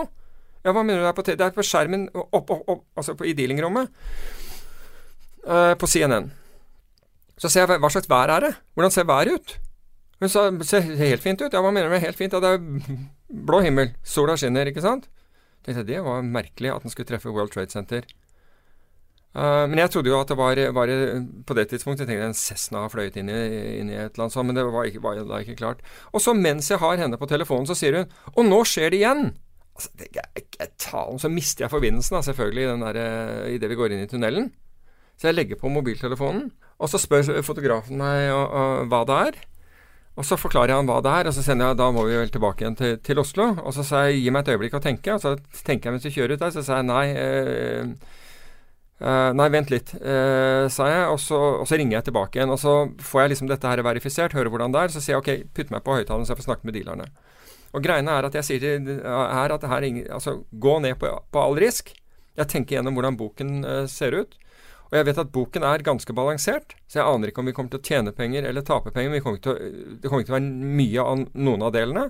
Den er robust. Så jeg sier bare til dealerne ikke ta noe risk. Ikke nødvendig å ta, ta noe risk. Ligg lavt, liksom sånn. Vi, vi, ser på dette senere. For jeg vet igjen, akkurat som i, um, i 1987 hvis du er midt i kaoset og lar deg bli en del av kaoset, så flyr du rundt som en sånn hodeløs kylling du også. Det er ikke noe vits i. Du tror du vet noe, du vet ingenting. Og du, du, føler at du må reagere, for alle andre reagerer. Det påvirker deg til å gjøre dumme ting. Så vi drar ned til Jarlsberg. Og så Flyet er der og hele greia. Der er det også pent vær for øvrig. Um, og så låner jeg uh, han, uh, han, fotografen han får låne klatreselen min, for jeg har tatt med den ned, slik at jeg kan spenne han fast, sånn at han kan ligge ute av flyet og så lene seg ut og ta bilder. For han har ikke hoppet fallskjerm, men døren skal jo være åpen. Det er mens jeg spenner på han selen og forklarer ham hvordan dette skal være, så er TV bak meg inne på, på, på fallskjermklubbens lokale der, og der ser du tårnene falle. I hvert fall så går vi ut, og, og jeg spenner ham fast. Jeg spenner ham fast Du flyr etter World Trade Center har falt? Ja. Da har jo dette skjedd. Skjønner du ikke det? Ulykker skjer ikke på, to, to, etter hverandre. Dette er, dette er bare statistikk. Nei, så går vi ut der, og så, så, spenner jeg han fast med den ene slyngen min og karabin til uh, pilotens sete. Dette er en sånn Cessna 172. Og så spenner jeg den andre til en krok i flyet som vi bruker på line, liner til, um, til fallskjermelever og ser at han kan bevege seg, men ikke for langt, og at han er trygg. Og så klatrer vi om bord, og så går vi opp der, og så tar vi det bildet som da pryder forsiden på, på Flytogmagasinet i noen måneder etterpå. Men uh, det er bra, det, jeg syns det er bra å ta utgangspunkt i sånne dager som du husker. Ja. Og så, og så dagen etter så kommer jeg inn, og så, så, så ber ledelsen meg Jo, når jeg kommer tilbake til Oslo, da får jeg beskjed, fordi Storebrand har jo kjøpt Finansbanken på dette tidspunktet. Ja. Uh, og da er det en av uh, Åge Korsvolds folk som, som, ringer, og de, fordi uh, NRK, altså Dagsrevyen, vil gjerne at jeg, at jeg kommer dit. For liksom, alt som er av finans, er jo lamslått. at jeg kommer dit. Og så sier de men liksom, du må ikke skremme folk. liksom Nå må du for guds skyld ikke skremme folk. Og lurer også på hvordan det går. Jeg sa jeg vet ikke hvordan det er, men når jeg kommer tilbake igjen til Oslo, så vet jeg i kveld så vet jeg hvordan vet jeg resultatet av boken. Um, og så gir jeg mitt syn på, på ting, og de er fornøyd med det. Så, så, jeg da, så, drar jeg opp til Marienlyst og gjør den, og så drar jeg ned til, uh, til banken, og så ser jeg gjennom, og da har vi, da har vi, da har vi tjent penger. Vi har faktisk tjent penger på, på uroen den, uh, den dagen. Ikke noe sånn dramatisk, men vi er altså for, altså Det alle er redd for i en sånn situasjon, er at de har tapt fryktelig mye penger. Så jeg kunne da på en måte forsikre, ringe tilbake og forsikre at vi er ok. Og så dagen etter så ville jeg at jeg skulle snakke til, eh, til de ansatte innenfor private banking og markets og alt mulig sånn. Og det gjør jeg på morgenen. Forklarer litt om situasjonen, roer, roer ting ned. Um, forklarer liksom hva Altså det økonomiske bakteppet som vi hadde forut for det, at dette her egentlig ikke forandrer noe. Uh, i, i, forhold til det i, i det korte bildet gir en sånn og hvordan jeg, jeg, selv kommer til å agere, den, hva som er planen den, den dagen. Og, og, det er det vi liksom Det er det vi på en måte kjører styrer etter, for å si det på Og det viser seg å være, være en fornuftig strategi. Så Finanskrisa. Da er du hoppa og driver for deg sjøl? Ja da, ja, da har jeg jo vært lenge for meg, for meg selv. Altså, da forvalter jeg jo et, et global makrofond. Er sjef for forvaltningen i, i, i Warren Capital. Og, og det, altså finanskrisen, det, den, den, var som den mest saktegående, saktebrennende lunten jeg har sett noen gang. Hva var første dagen du så noe var galt? 2007. Tidlig 2007. Første gang du hørte ordet subprime, eller? Nei, eh, ikke, nei, nei, nei. nei. Altså, altså, det var det, det, morsomme. var jo på en måte I dette smalt, så var subprime måtte jo forklares for de fleste i Norge. Jeg ante jo ikke hva det var virkelig ikke hva det var. Altså, alle ble jo eksperter i løpet av noen timer. Men, uh, men jeg hadde folk som skulle på TV og sånn, som, som, ba meg vær så snill å beskrive. Det var eksperter. Hva dette instrumentet var. ikke navngitte eksperter. Nei, nei, jeg skal ikke gjøre det. det nei, fordi det, det, akkurat det ville være kjempeufint. Morsomt, men uh, morsomt, men ufint å, å gjøre. Men uh, så jeg forklarte liksom hva, hva, dette, hva dette, finansproduktet hvordan, og, og, og, og måtte forklare um, hvordan CDO-er virket, og, og, transjer og den type ting. For det, dette var jo ikke noe som nordmenn handlet i, eller som de fleste, og dermed så hadde de ikke peiling på det. Men du var komfortabel med å forklare og forstå CDO allerede da? Altså ja, de ja. sammensatte lånene? Ja, ja. Jeg hadde, jeg hadde, jo jeg hadde vært i Jeg hadde handlet mortgage-backed også eh, tidligere, så jeg kunne på en måte det, det markedet. Um, jeg forsto markedet, forsto hvordan det virker, forsto um, disse interest only-sertifikatene uh, osv. For noen av disse var skilt fra Og, og det som er spesielt eller med, med amerikanske bo, boliglån, til forskjell fra, fra, norske, det er at den som, den som har gjelden, kan gå fra huset, og så følger ikke gjelden personen. Slik at hvis du låner oppover pipa på en annen eiendom du kjøper, og så kan du spekulere i at prisen på den eiendommen stiger. Hvis den ikke gjør det, og prisene tvert imot faller, så kan du si vel, takk for meg. Og så er det bankens problem. Var det når du fikk den åpenbaringa at du skjønte at det var Nei, altså, nei men du kan si at greiene var det, den, den, skjedde egentlig ikke ved, ved, ved subprime, at det, den biten der. Selv om den virket absurd i seg selv. For alle bankene kom jo og skulle selge, alle utenlandske banker kom jo og skulle selge disse produktene til oss. Så de forsøkte å dumpe ting på deg? På, på alle. Altså alle, altså alle, Det var jo norske som kjøpte disse tingene. Det var norske øh, forvaltningshus som puttet kundene sine i Uten å vite hva det var? Ja. ja. altså Det ville være veldig dumt av dem å si at de visste hva det var, for da ville det vært, vært med overlegg. Det ville vært litt dumt. Men altså Terra er jo et eksempel på det. De gjorde jo det, de. Mm. De, de videresolgte det med enda et lag giring. De, de, var ikke fornøyd med, de var ikke fornøyd med Altså, de, de, var ikke fornøyd med at de ga kundene sine nitroglyserin. Altså, de, de, ehm, de la Semtex under. Så jeg var sikker på at dette detonerte. Men hva var den verste dagen? da? Altså, var det, det var, jeg, jeg, følte ikke at vi hadde Den verste dagen var kanskje når den første tarpen feilet, uh, feilet i Kongressen. Det tror jeg vel var Det var kanskje den verste dagen, fordi da trodde du at de, de Eller da var jeg overbevist om at de skjønte uh, problemet. Um, alle på en måte forsto at dette her var, var, et svært problem. Og så prøvde da uh, finansministeren, altså Paulsen, å få dette gjennom med, med, med et relativt altså tresiders ark. altså sånn, For det var det de hadde klart å få sammen, men som hadde de viktigste punktene. Og så tror jeg rett og slett ikke folk fulgte med. Fordi jeg fulgte med på avstemningen den kvelden. Og det virket som det var noen av disse politikerne som ønsket å showboate holde seg så lenge som mulig før de Og plutselig så var det over. Og når du så da det der, så var det jo så skvatt noen, og de hadde ikke fått med seg at hele greia her er over. Det, det er ingen redningspakke. Mm. Det, det, det, var jo et, et øyeblikk et, der, men, uh, men Satt også så på TV, da? Hvordan ja. Dreide du noe da, eller? Uh, ikke akkurat da, tror jeg. Men vi hadde jo, vi hadde jo posisjonert oss i forkant altså, av dette. Altså det som var for meg så var det som Altså hele den oppbyggingen fra vi begynte å se at ting var feil priset, og, og, og særlig CDS-er, altså som var, må, som var um, en måte å beskytte obligasjoner på, altså de var så billige.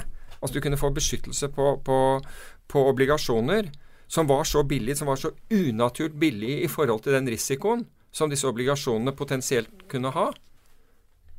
Og det tok vi posisjon på.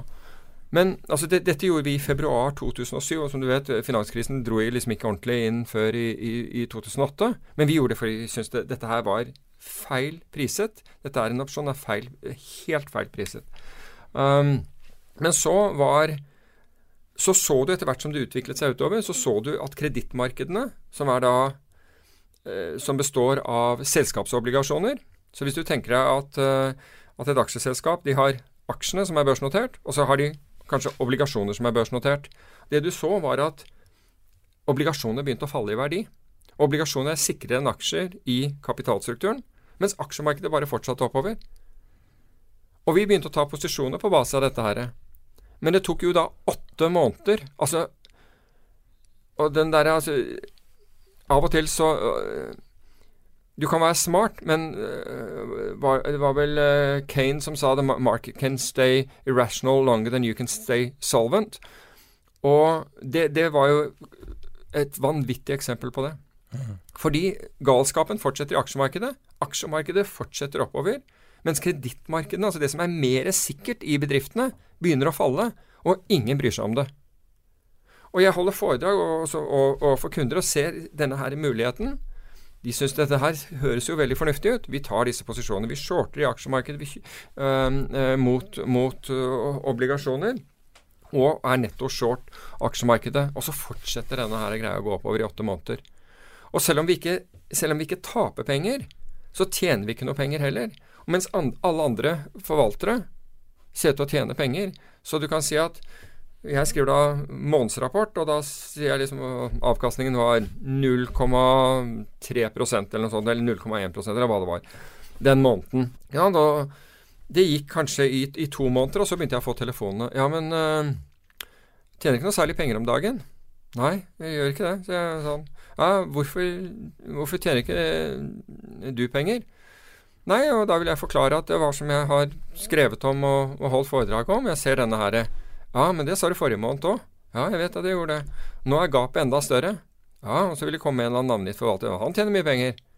Ja, jeg ser han gjør det. Han tenker annerledes. Jeg er sikker på at du tenker riktig, ja. Nei, sa jeg, jeg, jeg tror virkelig at jeg tenker riktig. Jeg er Aldri sikker. Men faktum er at kredittobligasjoner faller. Obligasjoner på de samme selskapene faller, mens aksjekursen stiger. Det er unormalt. Ja, Kan være at det er blitt den nye normalen, da.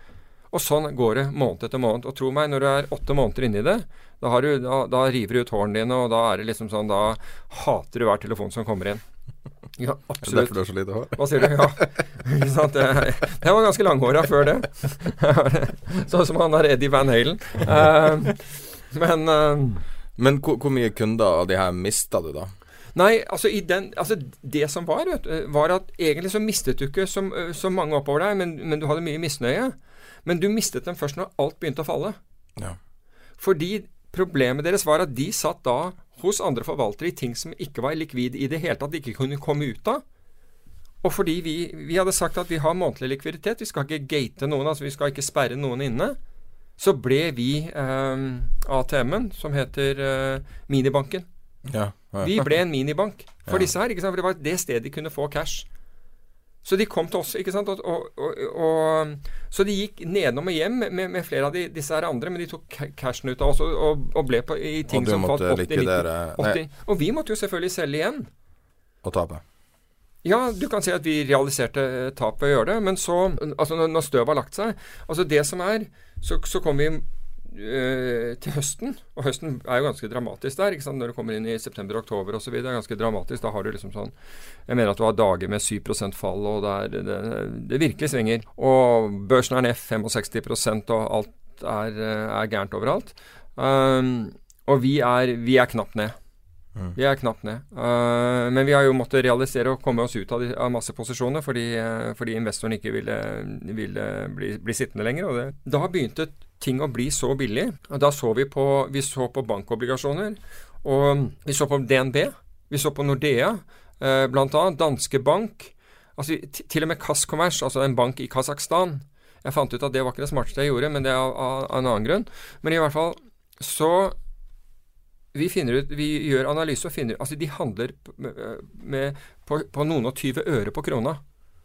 Så som, sammen med konkurs? Ja. Altså, ja, absolutt. Som er, altså, som, ikke bare som det er konkurs, men som Norge er borte òg.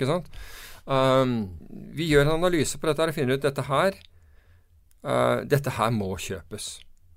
Men jeg tør ikke å kjøpe hvis folk fortsetter å, å innløse. Da er det helt håpløst å, å, å, gjøre det. Og en annen ting er at spredden, altså avstanden mellom kjøper- og selgerkurs, er så bred at du er nødt til å, altså Når du driver et fond, så er du nødt til å gjøre noe som heter mark to market. Altså Du må representere en, en, en, en det de kaller en fair kurs. Slik at hvis jeg kjøper La oss si at uh, obligasjonen jeg har, har kurs kjøpekurs på 10 og selgekurs på 20. Bare la oss si, altså Så vil kunne det faktisk være der.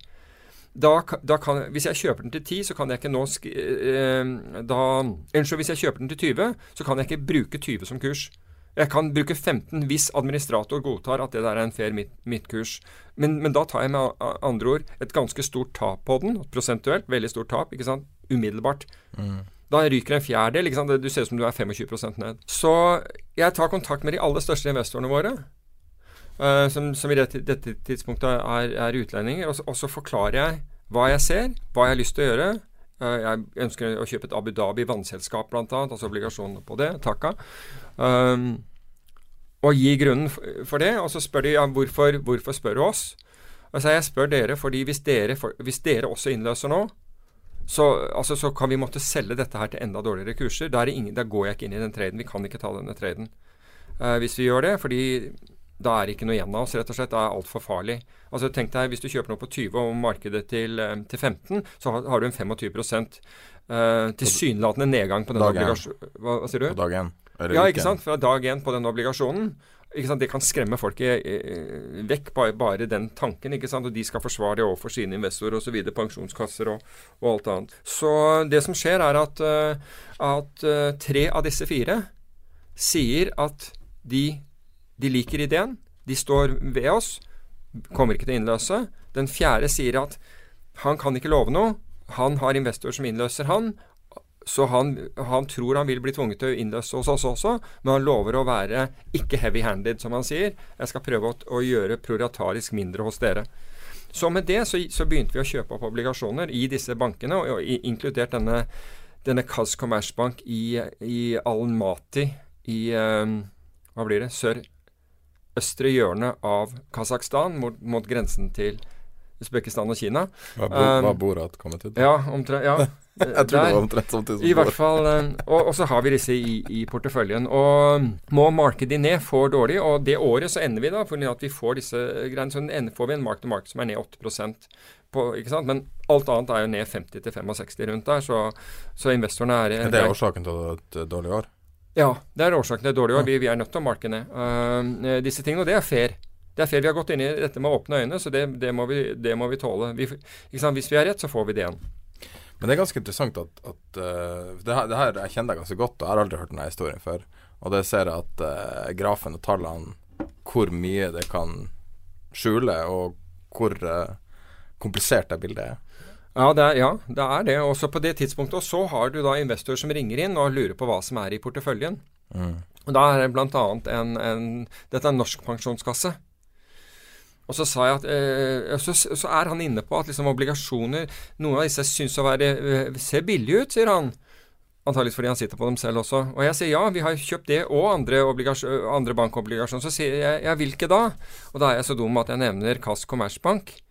Og da hører jeg bare dunk i det bakhodet hans tar, eh, tar gulvet der. fordi altså, det var han ikke klar for å høre. En bank i Kasakhstan, det, det skremte jo vannet av han.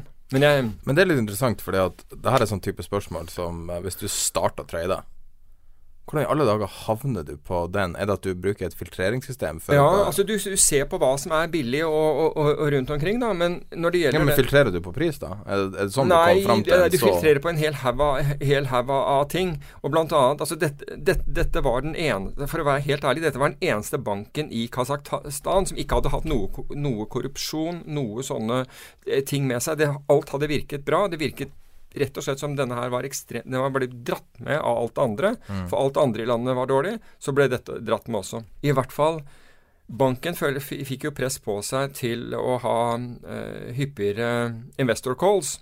Nå vet jeg ikke hvor god du er i, i det lokale språket der nede, men jeg kan forsikre deg at jeg ikke er veldig god.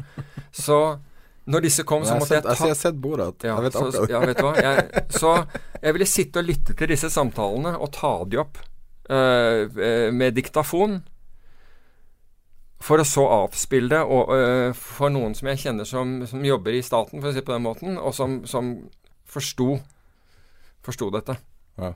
Og kunne da for, forkla- for, forsikre meg om at liksom disse tingene Ja, det virket bra, og alt dette virket bra, og det virket bra, og alt mulig sånn. Fordi vi måtte jo gjøre vår due diligence for å si at vi faktisk hadde ikke sant? Så vi hadde jo utskrifter bl.a. fra, fra investorcallene som, som disse hadde. Men hvordan endte den traden, da? Hvor lenge har jeg satt opp? Vi, vi, eh, altså vi, vi, vi kjøpte den for 30 eh, den, den var en dollarobligasjon. Vi kjøpte den for 30 cent, og vi solgte den for 90. Så den endte bra. Alle, alle tre? Ja, alle tre. Ja, ja, alle, Den ble tredje på 100 igjen. ja, ja. Nei, vi, vi, vi, solgte, eh, vi solgte før eh, det dro til 100, men vi, vi fikk Altså alle, alle obligasjonene som vi kjøpte av, av de der, eh, ble, ble kjempegreier. Så, så du kan si at vi går da fra å være en minus 8 til pluss noen og 20. Altså året etter, og med, med lav risiko, faktisk. Så det blir en ok av det, men dette viser litt om altså det ekosystemet og hva, hva finansmarkedet, også investorene, lærer deg. Fordi investorene sa til oss at sant, de kom, de, alle takket oss for at vi hadde sluppet dem ut. Vi holdt ikke en eneste investor inne lenger enn Altså, det var en De, de hadde de, Vi hadde månedlig eh, tegning og innløsning. Og hvis de innløste, så var det greit, og 30 dager senere fikk de pengene. Alle fikk oppgjør. Og, og, Bare sånn at For de fleste er ikke klar over at hvis du eh, kompliserte fond, så kan du bli låst inne i posisjoner i årevis. Ja, altså noen, noen har jo, har jo kvartalsvis. Noen har, kvartal, noen har månedlig tegning og kvartalsvis innløsning. Andre har til og med årlig. Det vet du øh, når du går inn. Det, vet du på forhånd. Men det som var, var at fond hadde jo da, låste jo da inne sine investorer som hadde månedlig likviditet. Bare slapp dem ikke ut. Og jeg sa det er ikke noe vi kan gjøre. Vi, vi slipper dere ikke ut. Og investorene takket oss for å, for å ha opptrådt ordentlig. Men problemet var at de, de da som satt gjennom krisen og, og opp igjen, så ble investorene hos dem. Til tross for at disse da hadde gjort det motsatte av hva de hadde lovet, så ble pengene allikevel sittende hos disse. Og Det er det, er jeg mener med liksom denne feedback-loopen i finans. Altså, vi gjorde det moralsk riktige. Andre gjorde det som var forretningsmessig riktig for dem. Men den gutteklubben er litt reell på et eller annet Ja, men, men, men det, den investor, poenget mitt er at den investoratferden, den lærer jo nettopp forvalteren å ikke, ikke opptre redelig, men opptre forretningsmessig. fordi det, viser at det lønte seg. Det lønte seg for alle de som gjorde det. Altså alle de som ikke gikk konkurs, da, men da spilte det ingen rolle. Og da fortsatte de hele tiden å få måned, altså å få forvaltningshonorarer i den perioden, ikke sant. Så hvis du låste de inne, så nei, du, jeg slipper, ikke. du kan få komme ut om et halvt år. Ok, Da har, da har du fem måneder lenger enn det vi hadde med, med, med gebyrer. Ja. Og sånt noe liksom tar Verken Finanstilsynet eller andre tar hensyn til sånne ting. Men uh, ti år senere, 2017 Nå sitter vi i januar 2017. Ti år etter finanskrisen starta ganske nøyaktig. Det kicka vel off i mars 2007. Ja, altså du kan si at i, i, i, eh, i eh, mortgage-back-markedet, altså subprime om du vil, så begynte du å se det. Ja, det er helt riktig. Da, da begynte jo ting å se Første virkelige saken som skjedde en gang, var jo Bear Stearns, altså investeringsbanken Bear Stearns, som hadde to svære fond for sine investorer som gikk over ende. De var investert i disse her og hadde solid belåning. også som alt. Men nå Det spørsmålet da Nå er vi jo på CV-en din over en time gjennomgang, for du har en komplisert CV. Hva du gjør nå? Akkurat nå snakker jeg med deg. Ja, men hva du gjør? Vil du snakke om hva du driver med nå? Uh, ja, nå, uh, nå er jeg uh, engasjert og interessert i, i at vi, vi kaller denne for tid for penger. Altså når tid er penger også. Og um, i høyfrekvenshandel, altså handel som foregår veldig hurtig. Det er et fascinerende område. Vi har jo vært inne på det lite grann. Men, eh, men eh, Og ren algoritmebasert handel. Altså bruke teknologien for alt det den er verdt, og på alle steder hvor den kan erstatte mennesker, hvor det er fornuftig at den erstatter mennesker, og, og hastighet er en, av, en av sted, er en av stedene. Det samme er eh, det, altså det er både hastigheten til å utføre, men også regnehastighet, og ikke minst kapasitet. Men det har, det har, mange, altså det er mange utfordringer, dette, òg. det er kjempeinteressant. Det har, det har eh, mange, altså dette er et Men det er en akademisk interesse, eller er det markedsinteresse? Begge deler. Mm. Begge deler. Men du har ikke kunder lenger? Nei. Første gangen siden Ja, altså du kan si at uh, når jeg drev marketmaker-foretak Jeg var jo marketmaker i Hva ble det til sammen? Var det 14 år jeg var marketmaker. Jeg tror jeg var marketmaker i syv år. Da hadde vi ingen kunder, altså annet enn meglerhusene som ringte inn og ba om Men vi hadde jo ikke, vi hadde ikke sluttkunden i det hele tatt. Vi ville være helt fair marketmaker uten å vite om kunden skulle kjøpe eller selge. Stille toveispris eh, for kunden. Så jeg har jo på en måte gjort dette her, her, her før. For all det. Så jeg er ikke, jeg er ikke ukjent med, med, det. Men samtidig Men nå er du Helt uten kunder. For deg sjøl? Ja, eller der More or less. Ja, eller det er, det, det er eh, sammen med noen andre smarte mennesker. Mm. Veldig smarte mennesker. Mye smartere enn meg. Er livet bedre? Ja, øh, ja, det er det. Fordi det er eh, Altså, du syns jo at øh, Du nevnte det der at jeg har en komplisert CV, men det er jo mye mindre komplisert. Uh, det Altså, verden har blitt ekstremt komplisert for forvaltere, for forvaltning generelt. Altså, de regulatoriske byrdene har blitt helt enorm etter finanskrisen.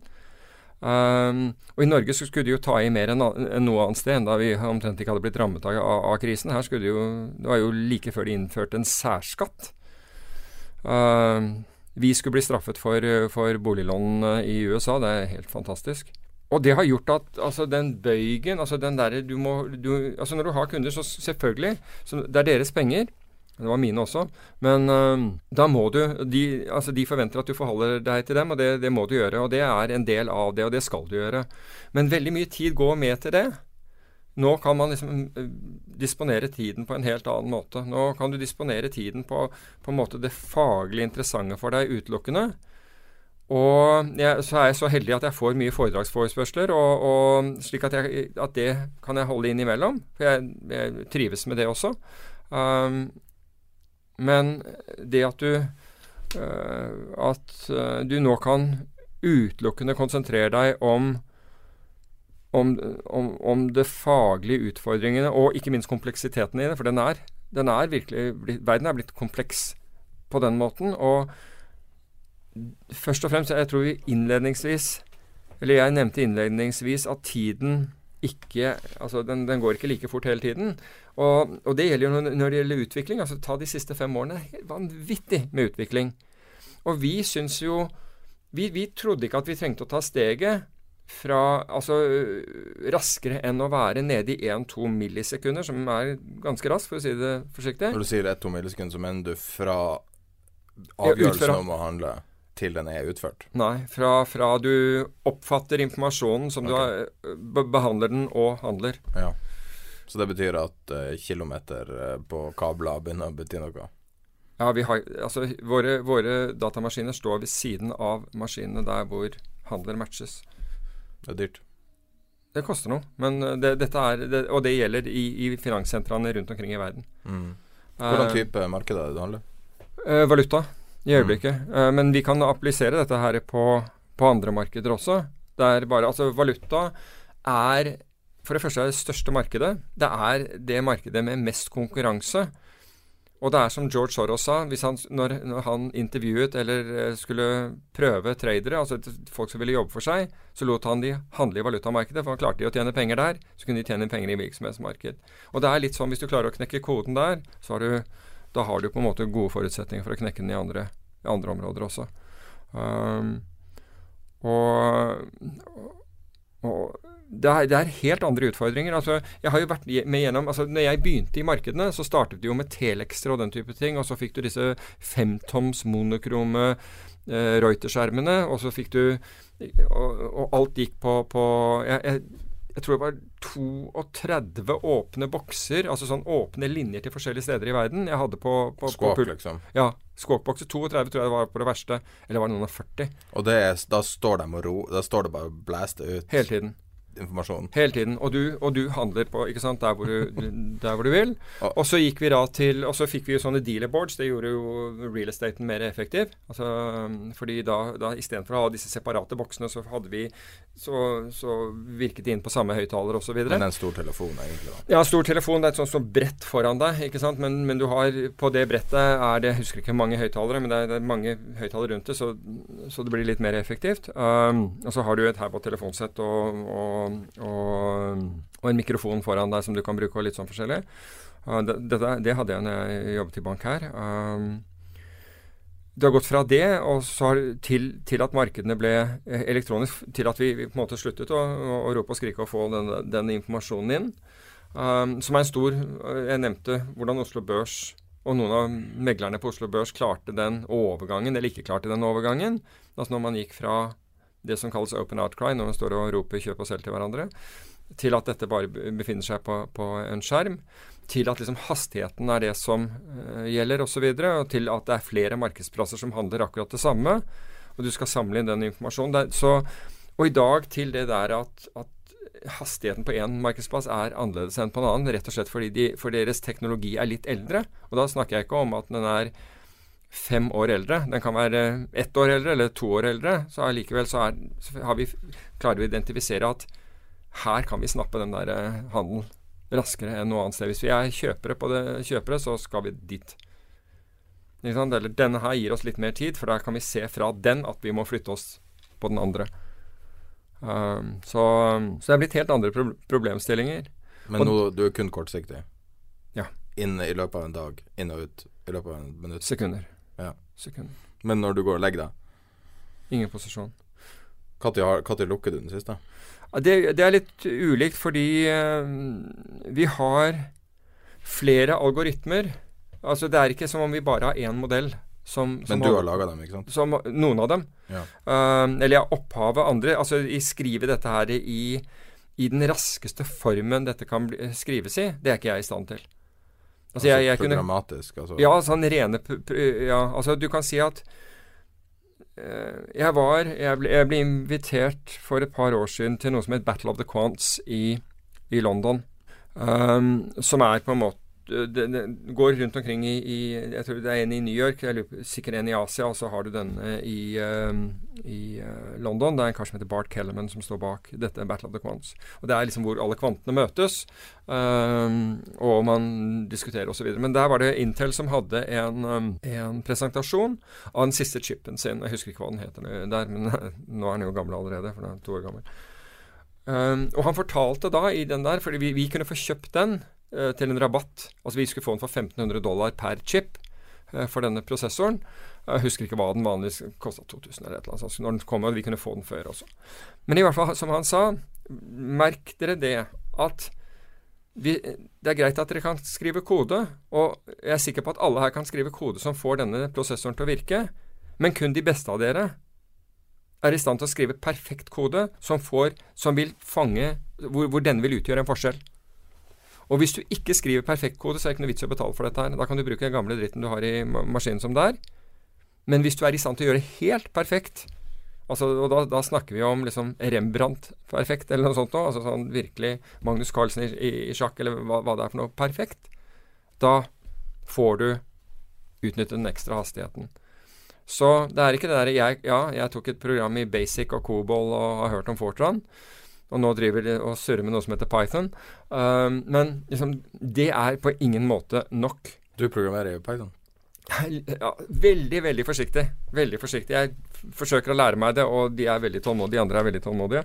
Sånn i forhold til det. Men det er ikke det at jeg forventer, men det er enkelte ting så, så sparer vi tid på at jeg sitter og surrer med det selv. Eh, eh, enn at eh, nettopp han som skal prøve å, å ta bort et par mikrosekunder av, av uh, kommunikasjonshastigheten vår, sitter da og må lære meg det, det, mest basic.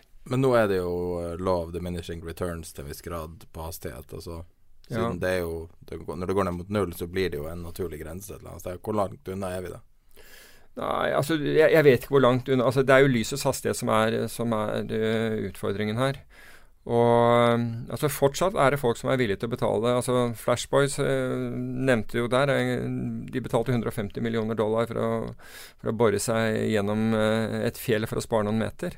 Mm. Vi er jo på, på, på, det nivået. Nå er det akkurat noen som har satt opp en sånn microwave tower, virkelig kostbar en, i nærheten av Dover, som da gjør den vinkelen mellom, eh, mellom uh, City og, og jeg tror det er Eurex, altså børsen. Mm. Bitte lite grann mindre. Altså Du skal ha god oppløsning på kartet for å, se, for å se forskjellen, men de mener at det er riktig. Så det racet der altså vi, vi Er det type Deutsche Bank, eller Nei, det, nei, nei det, dette er private foretak. Bankene er ikke Hvem er de store playerne nå i De, de, store, de store, playerne er faktisk, eh, er, er, er faktisk private foretak. Det var jo et par som, som var stor for når det her først dukka opp? Ja, da tenker du ja, Citadel og disse her. Ja, Citadel er fortsatt veldig stor. Men du har, uh, du har en hel serie av andre. En annen som er på Virtue, er, er, stor. Du har Flow Traders. Og så har du en del navn som ikke er så kjent i, i the public domain.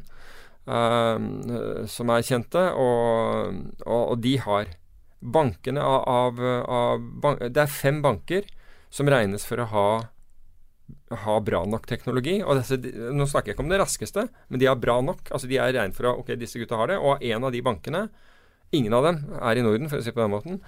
Og en av de bankene regnet for å være et hestehode foran de andre. Det er JP Morgan. Mm.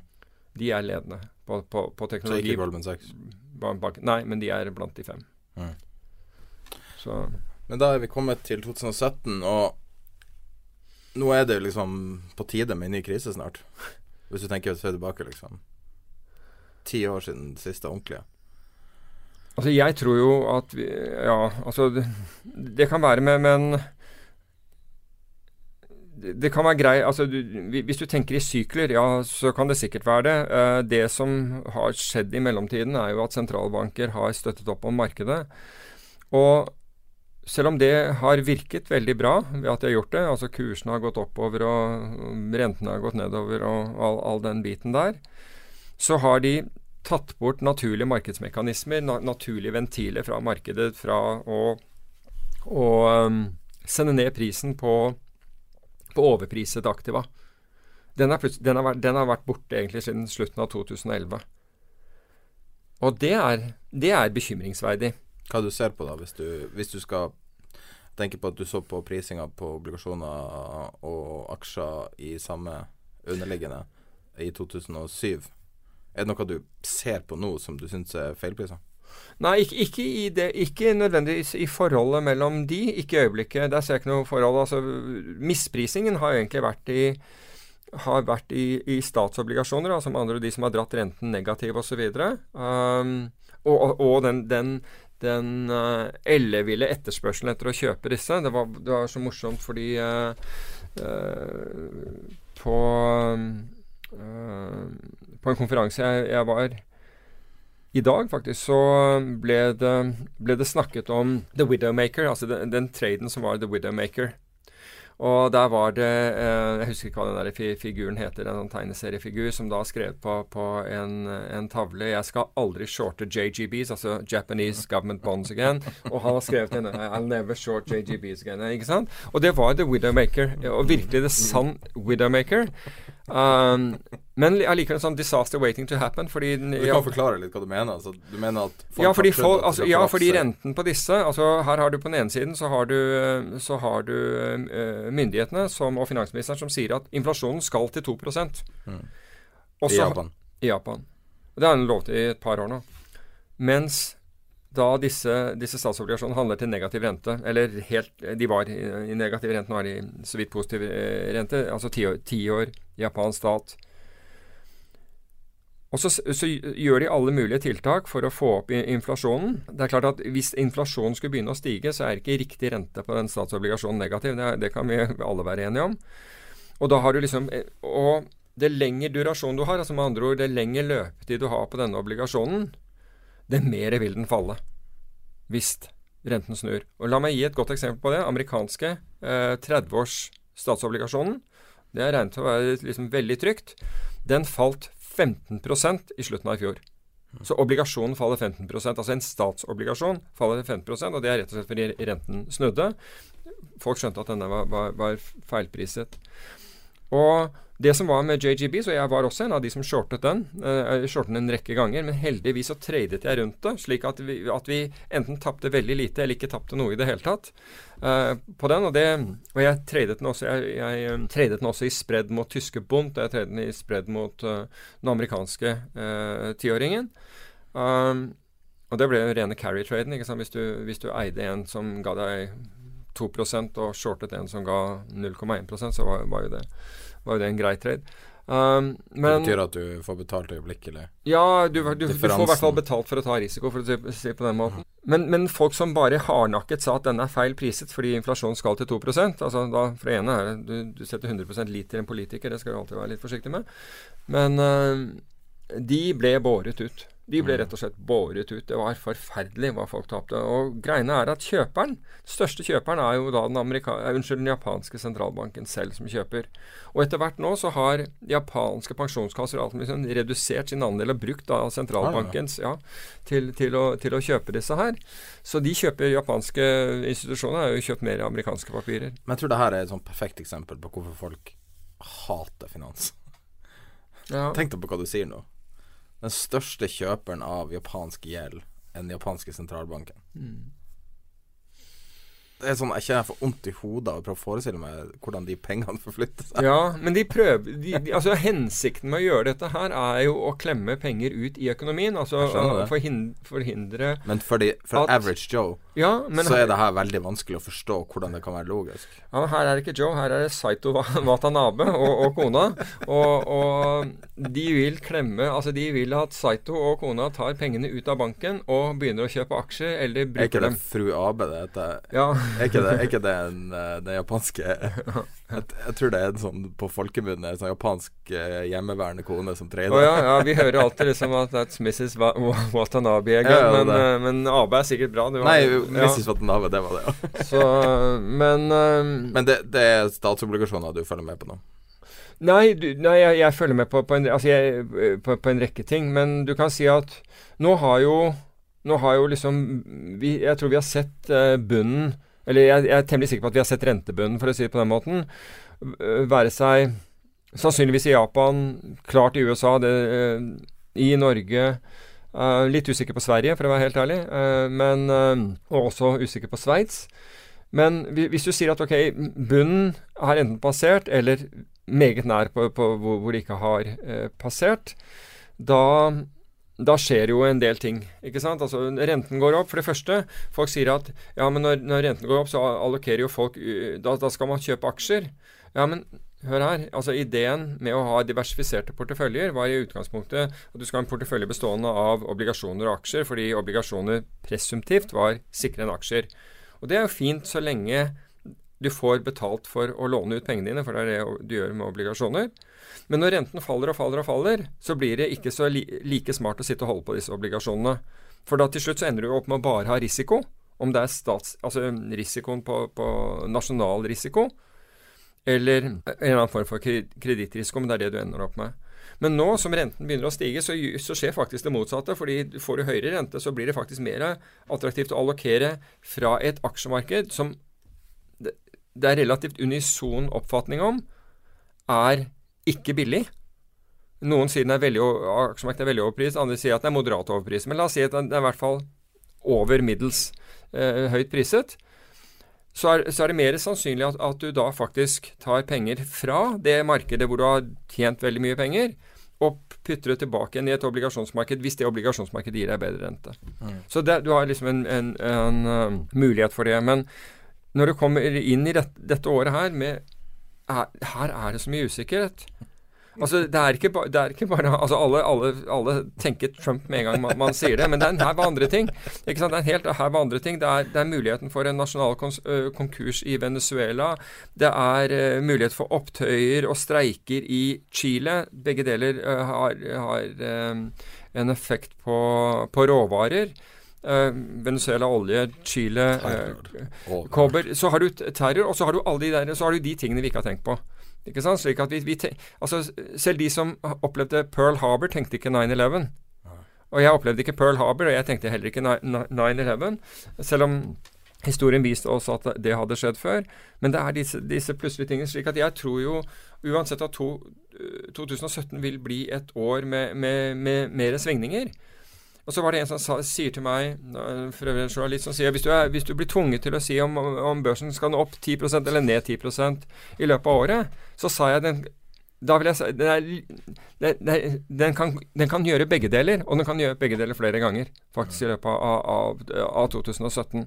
For det, 2000, det, er som, altså det er en av de tingene som skiller folk som forstår markeder, og de som ikke forstår dem. De som ikke forstår dem, bruker ordet 'skal'. Mm. Markedet skal opp. Det betyr at du ikke har forstått og tatt inn over deg og akseptert at det er usikkerhet forbundet med markedene. Ja, det er rett og slett det, det har du et problem. Som regel så er ikke de tradere. De som sier det, de er ikke de som selv tar risiko. Det er de som anbefaler andre å ta risiko. De bruker uttrykk som 'skal'. For de trenger ikke å akseptere risiko i det hele tatt. De trenger, det Jeg tror det er et tema vi skal ta opp i en av de senere episodene. Ja. Her er episodisk, og jeg sitter og ser på klokka nå. Dette var CV-en som jeg tenkte vi skulle bruke kanskje ti minutter på. Så jeg tror episode én er i boks nå. jeg sa du hadde en komplisert CV. Uh, eh, men uh, det er skal vi gå videre på, på tema som er kanskje litt mer praktisk orientert rundt uh, finans? Vi får se litt hvordan vei det går. Ja, kan, kan, vi strekke beina litt? ja. Uh, men da uh, tror jeg vi avslutter episode nummer én. Da skal vi ha en liten samtale med Erik Hansen fra IG Markets. Erik Hansen jobber som markedsanalytiker og premium kundebehandler hos IG. Med studier og ti år i bransjen har Erik en god forståelse for finansmarkeder, med stor interesse for handel, makroøkonomi og teknisk kvantitativ analyse. Erik sitter uh, også i styret for STAF, som er Scandinavian Technical Analytikere. Og han synes ofte i svenske medier. I tillegg skriver han en del analyser, så det er en bra person å høre på. Her er Erik. Før vi starter, egentlig, uh, kan du si litt om IG? Mm. Uh, eh, IG, IG står för Investors Gold och uh, grundades redan 1974 uh, i syfte för att erbjuda retail investors, privatinvesterare, att kunna handla med guld som var väldigt svåråtkomligt då för gemene man. nu är IG världens största CFD-mäklare, erbjuder även traditionell aktiehandel. I Norge och i Skandinavien då så erbjuder CFDs och fokuserar på det. Eh, hvordan type kunder har dere eh, i Norge og Sverige? Ja, Typiske kunder det är kunder som er litt mer aktive i sin, i sin trading. Uh, man bruker kalla dem for swing traders. Uh, de kan ha, ha, ha sin position uh, noen dager opp til, til noen uker. och det det, det er traders som handler alt fra aktier til råvaror, index og FX. det kan også være større institusjoner som kanskje hedger råvaror eller FX. Då. Hvor, store er de kundene? Det, det, är väldigt olika. Det, det är allt från uh, små mindre privatsparare som, som vill ta ett bett på någon valuta till, uh, till större aktörer. Så det, det, är väldigt blandat. Men är det stora professionella eller Ja, absolut. De senaste åren så har CFDs vuxit väldigt kraftigt. Tidigare så handlar man mycket futures, lite grann som Peter Warren också har pratat om här. Eh, just CFD, det är en produkt som gör att man kommer väldigt nära futurehandel. Eh, följer terminerna futures. Eh, och nu för tiden så är det också väldigt låga avgifter för att handla CFDs. Så att det är väldigt bra produkt om du, om du ska få en exponering mot till exempel ett index eller råvara. Kan, kan vi snakke litt om CFD som produkt? Det har jo vært i, i Norge i, i, noen år nå. Mm. Og jeg, jeg tror ikke alle helt skjønner hva det er for noe. Og når, når vi har snakka nå med Peter i flere timer, mm. så ser du at liksom, han snakker veldig mye om, om, futures og valuta og opsjoner. Men, men CFD kan matche en del av de tingene, mm. kan det ikke det? Ja, precis.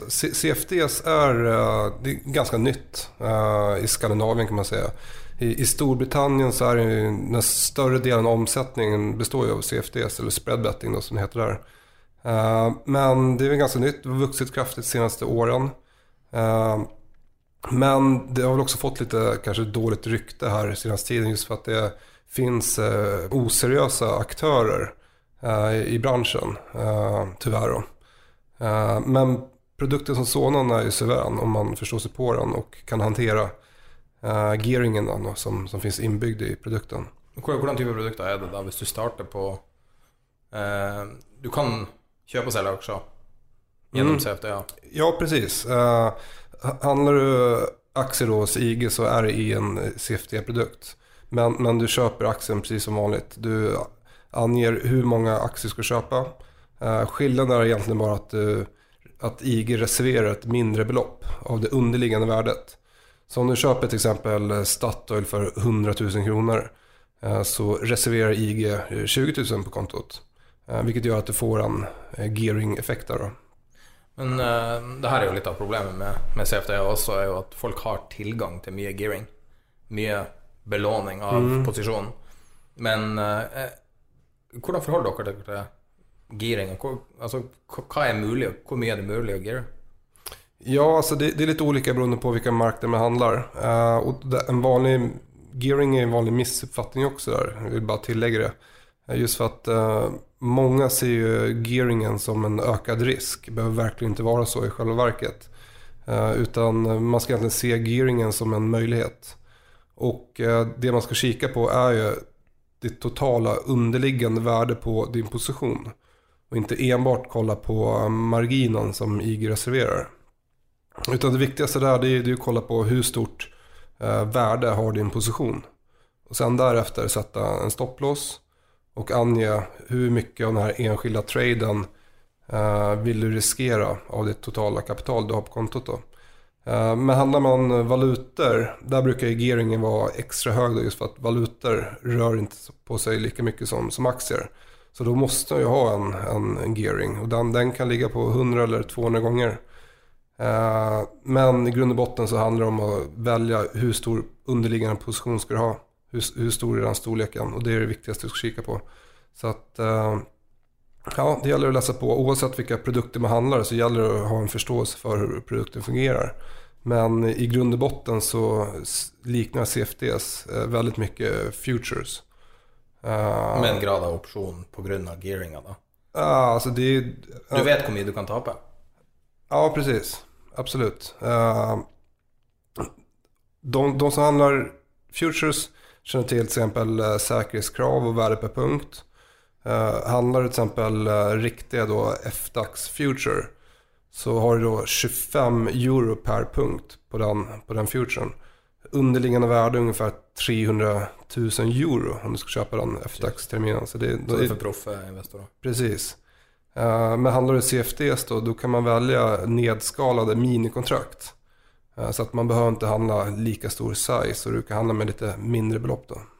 Men hvis vi tenker på eksempel norske kunder Mm. som liker produkter som, som er ganske enkle ofte uh, I min erfaring så er det sånn, uh, uten å nevne i detalj, så å, å like å vedde på retning for børsen Mm. f.eks. Uh, er det sånn å skjønne at du kan, du kan kopiere det med, med CFD og gå mer nøyaktig til verks? Absolut, absolut. Altså, CFDs er veldig enkel å forstå seg på. Det, det er ingen daglig eh, ombalansering av, av hevstangen som f.eks. exempel Bull and Bear-certifikat har. Utan eh, om, eh, dagsterminen... I praksis betyr det at du kan vedde i lengre tid, da. At det vil ikke falle i verdi for hver dag som går. Nei, det gjør det ikke. Det er, inget, det er inget tid i tidsvärde som, som optioner. Men Bull og Bear har jo en, Ja, en sånn. precis. Det stemmer. Så den, eh, den nackdelen har du ikke i, i, CFDs då. Utan det, det är en linjär hävstång. Man kan se det ungefär som ett eh, bostadslån. Når du sier hävstång som en du Uh, gearing. Gearing, ja. uh, ge- gearingen uh, gearingen som, som ett bostadslån. Om du skulle köpa en uh, fastighet eller bostad som kostar, säg, en miljon kronor. Det var, ett, det var en billig fastighet. Och, men då behöver en kapitalinsats, en margin. Och det är den marginen då som IG reserverar. Ja. Ehm, hvorfor tror du CFDA fikk et så dårlig rykte? Du nevnte det så vidt, og det er jo noe man Man må jo bare være ærlig med det. At eh, CFDA har jo fått mye negativ omtale de siste årene. Mm. Jeg tror det finnes et ett par forklaringer der. og en av forklaringene er at det er just den her gearingen som folk ikke uh, egentlig kan håndtere. Eh, de, de har ikke lest på hvordan produkten fungerer, og de tar for store positioner. Eh, handlar du standardkontraktet på, på DAX, det vill säga Tyskland, så har en underliggande pos position på ungefär 300 000 euro. Uh, det är kanske inte alla som känner till det innan de trycker köp. Och, uh, så da är det viktigt att handla de min, minikontrakten. Uh, så att man handlar mindre size. Och den möjligheten finns ju. men jag tror att det, det, är väldigt lätt och enkelt att ta för stora positioner.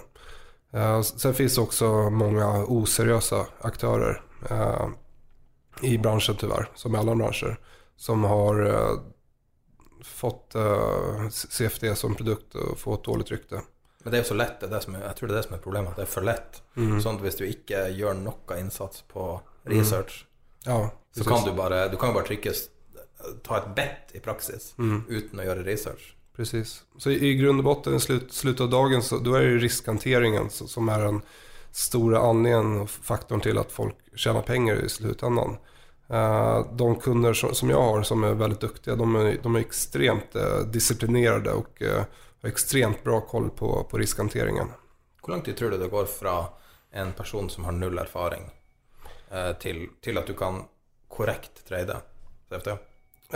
Jag, jag tror att man ska ha en inlärningsperiod på i alla fall ett till två år.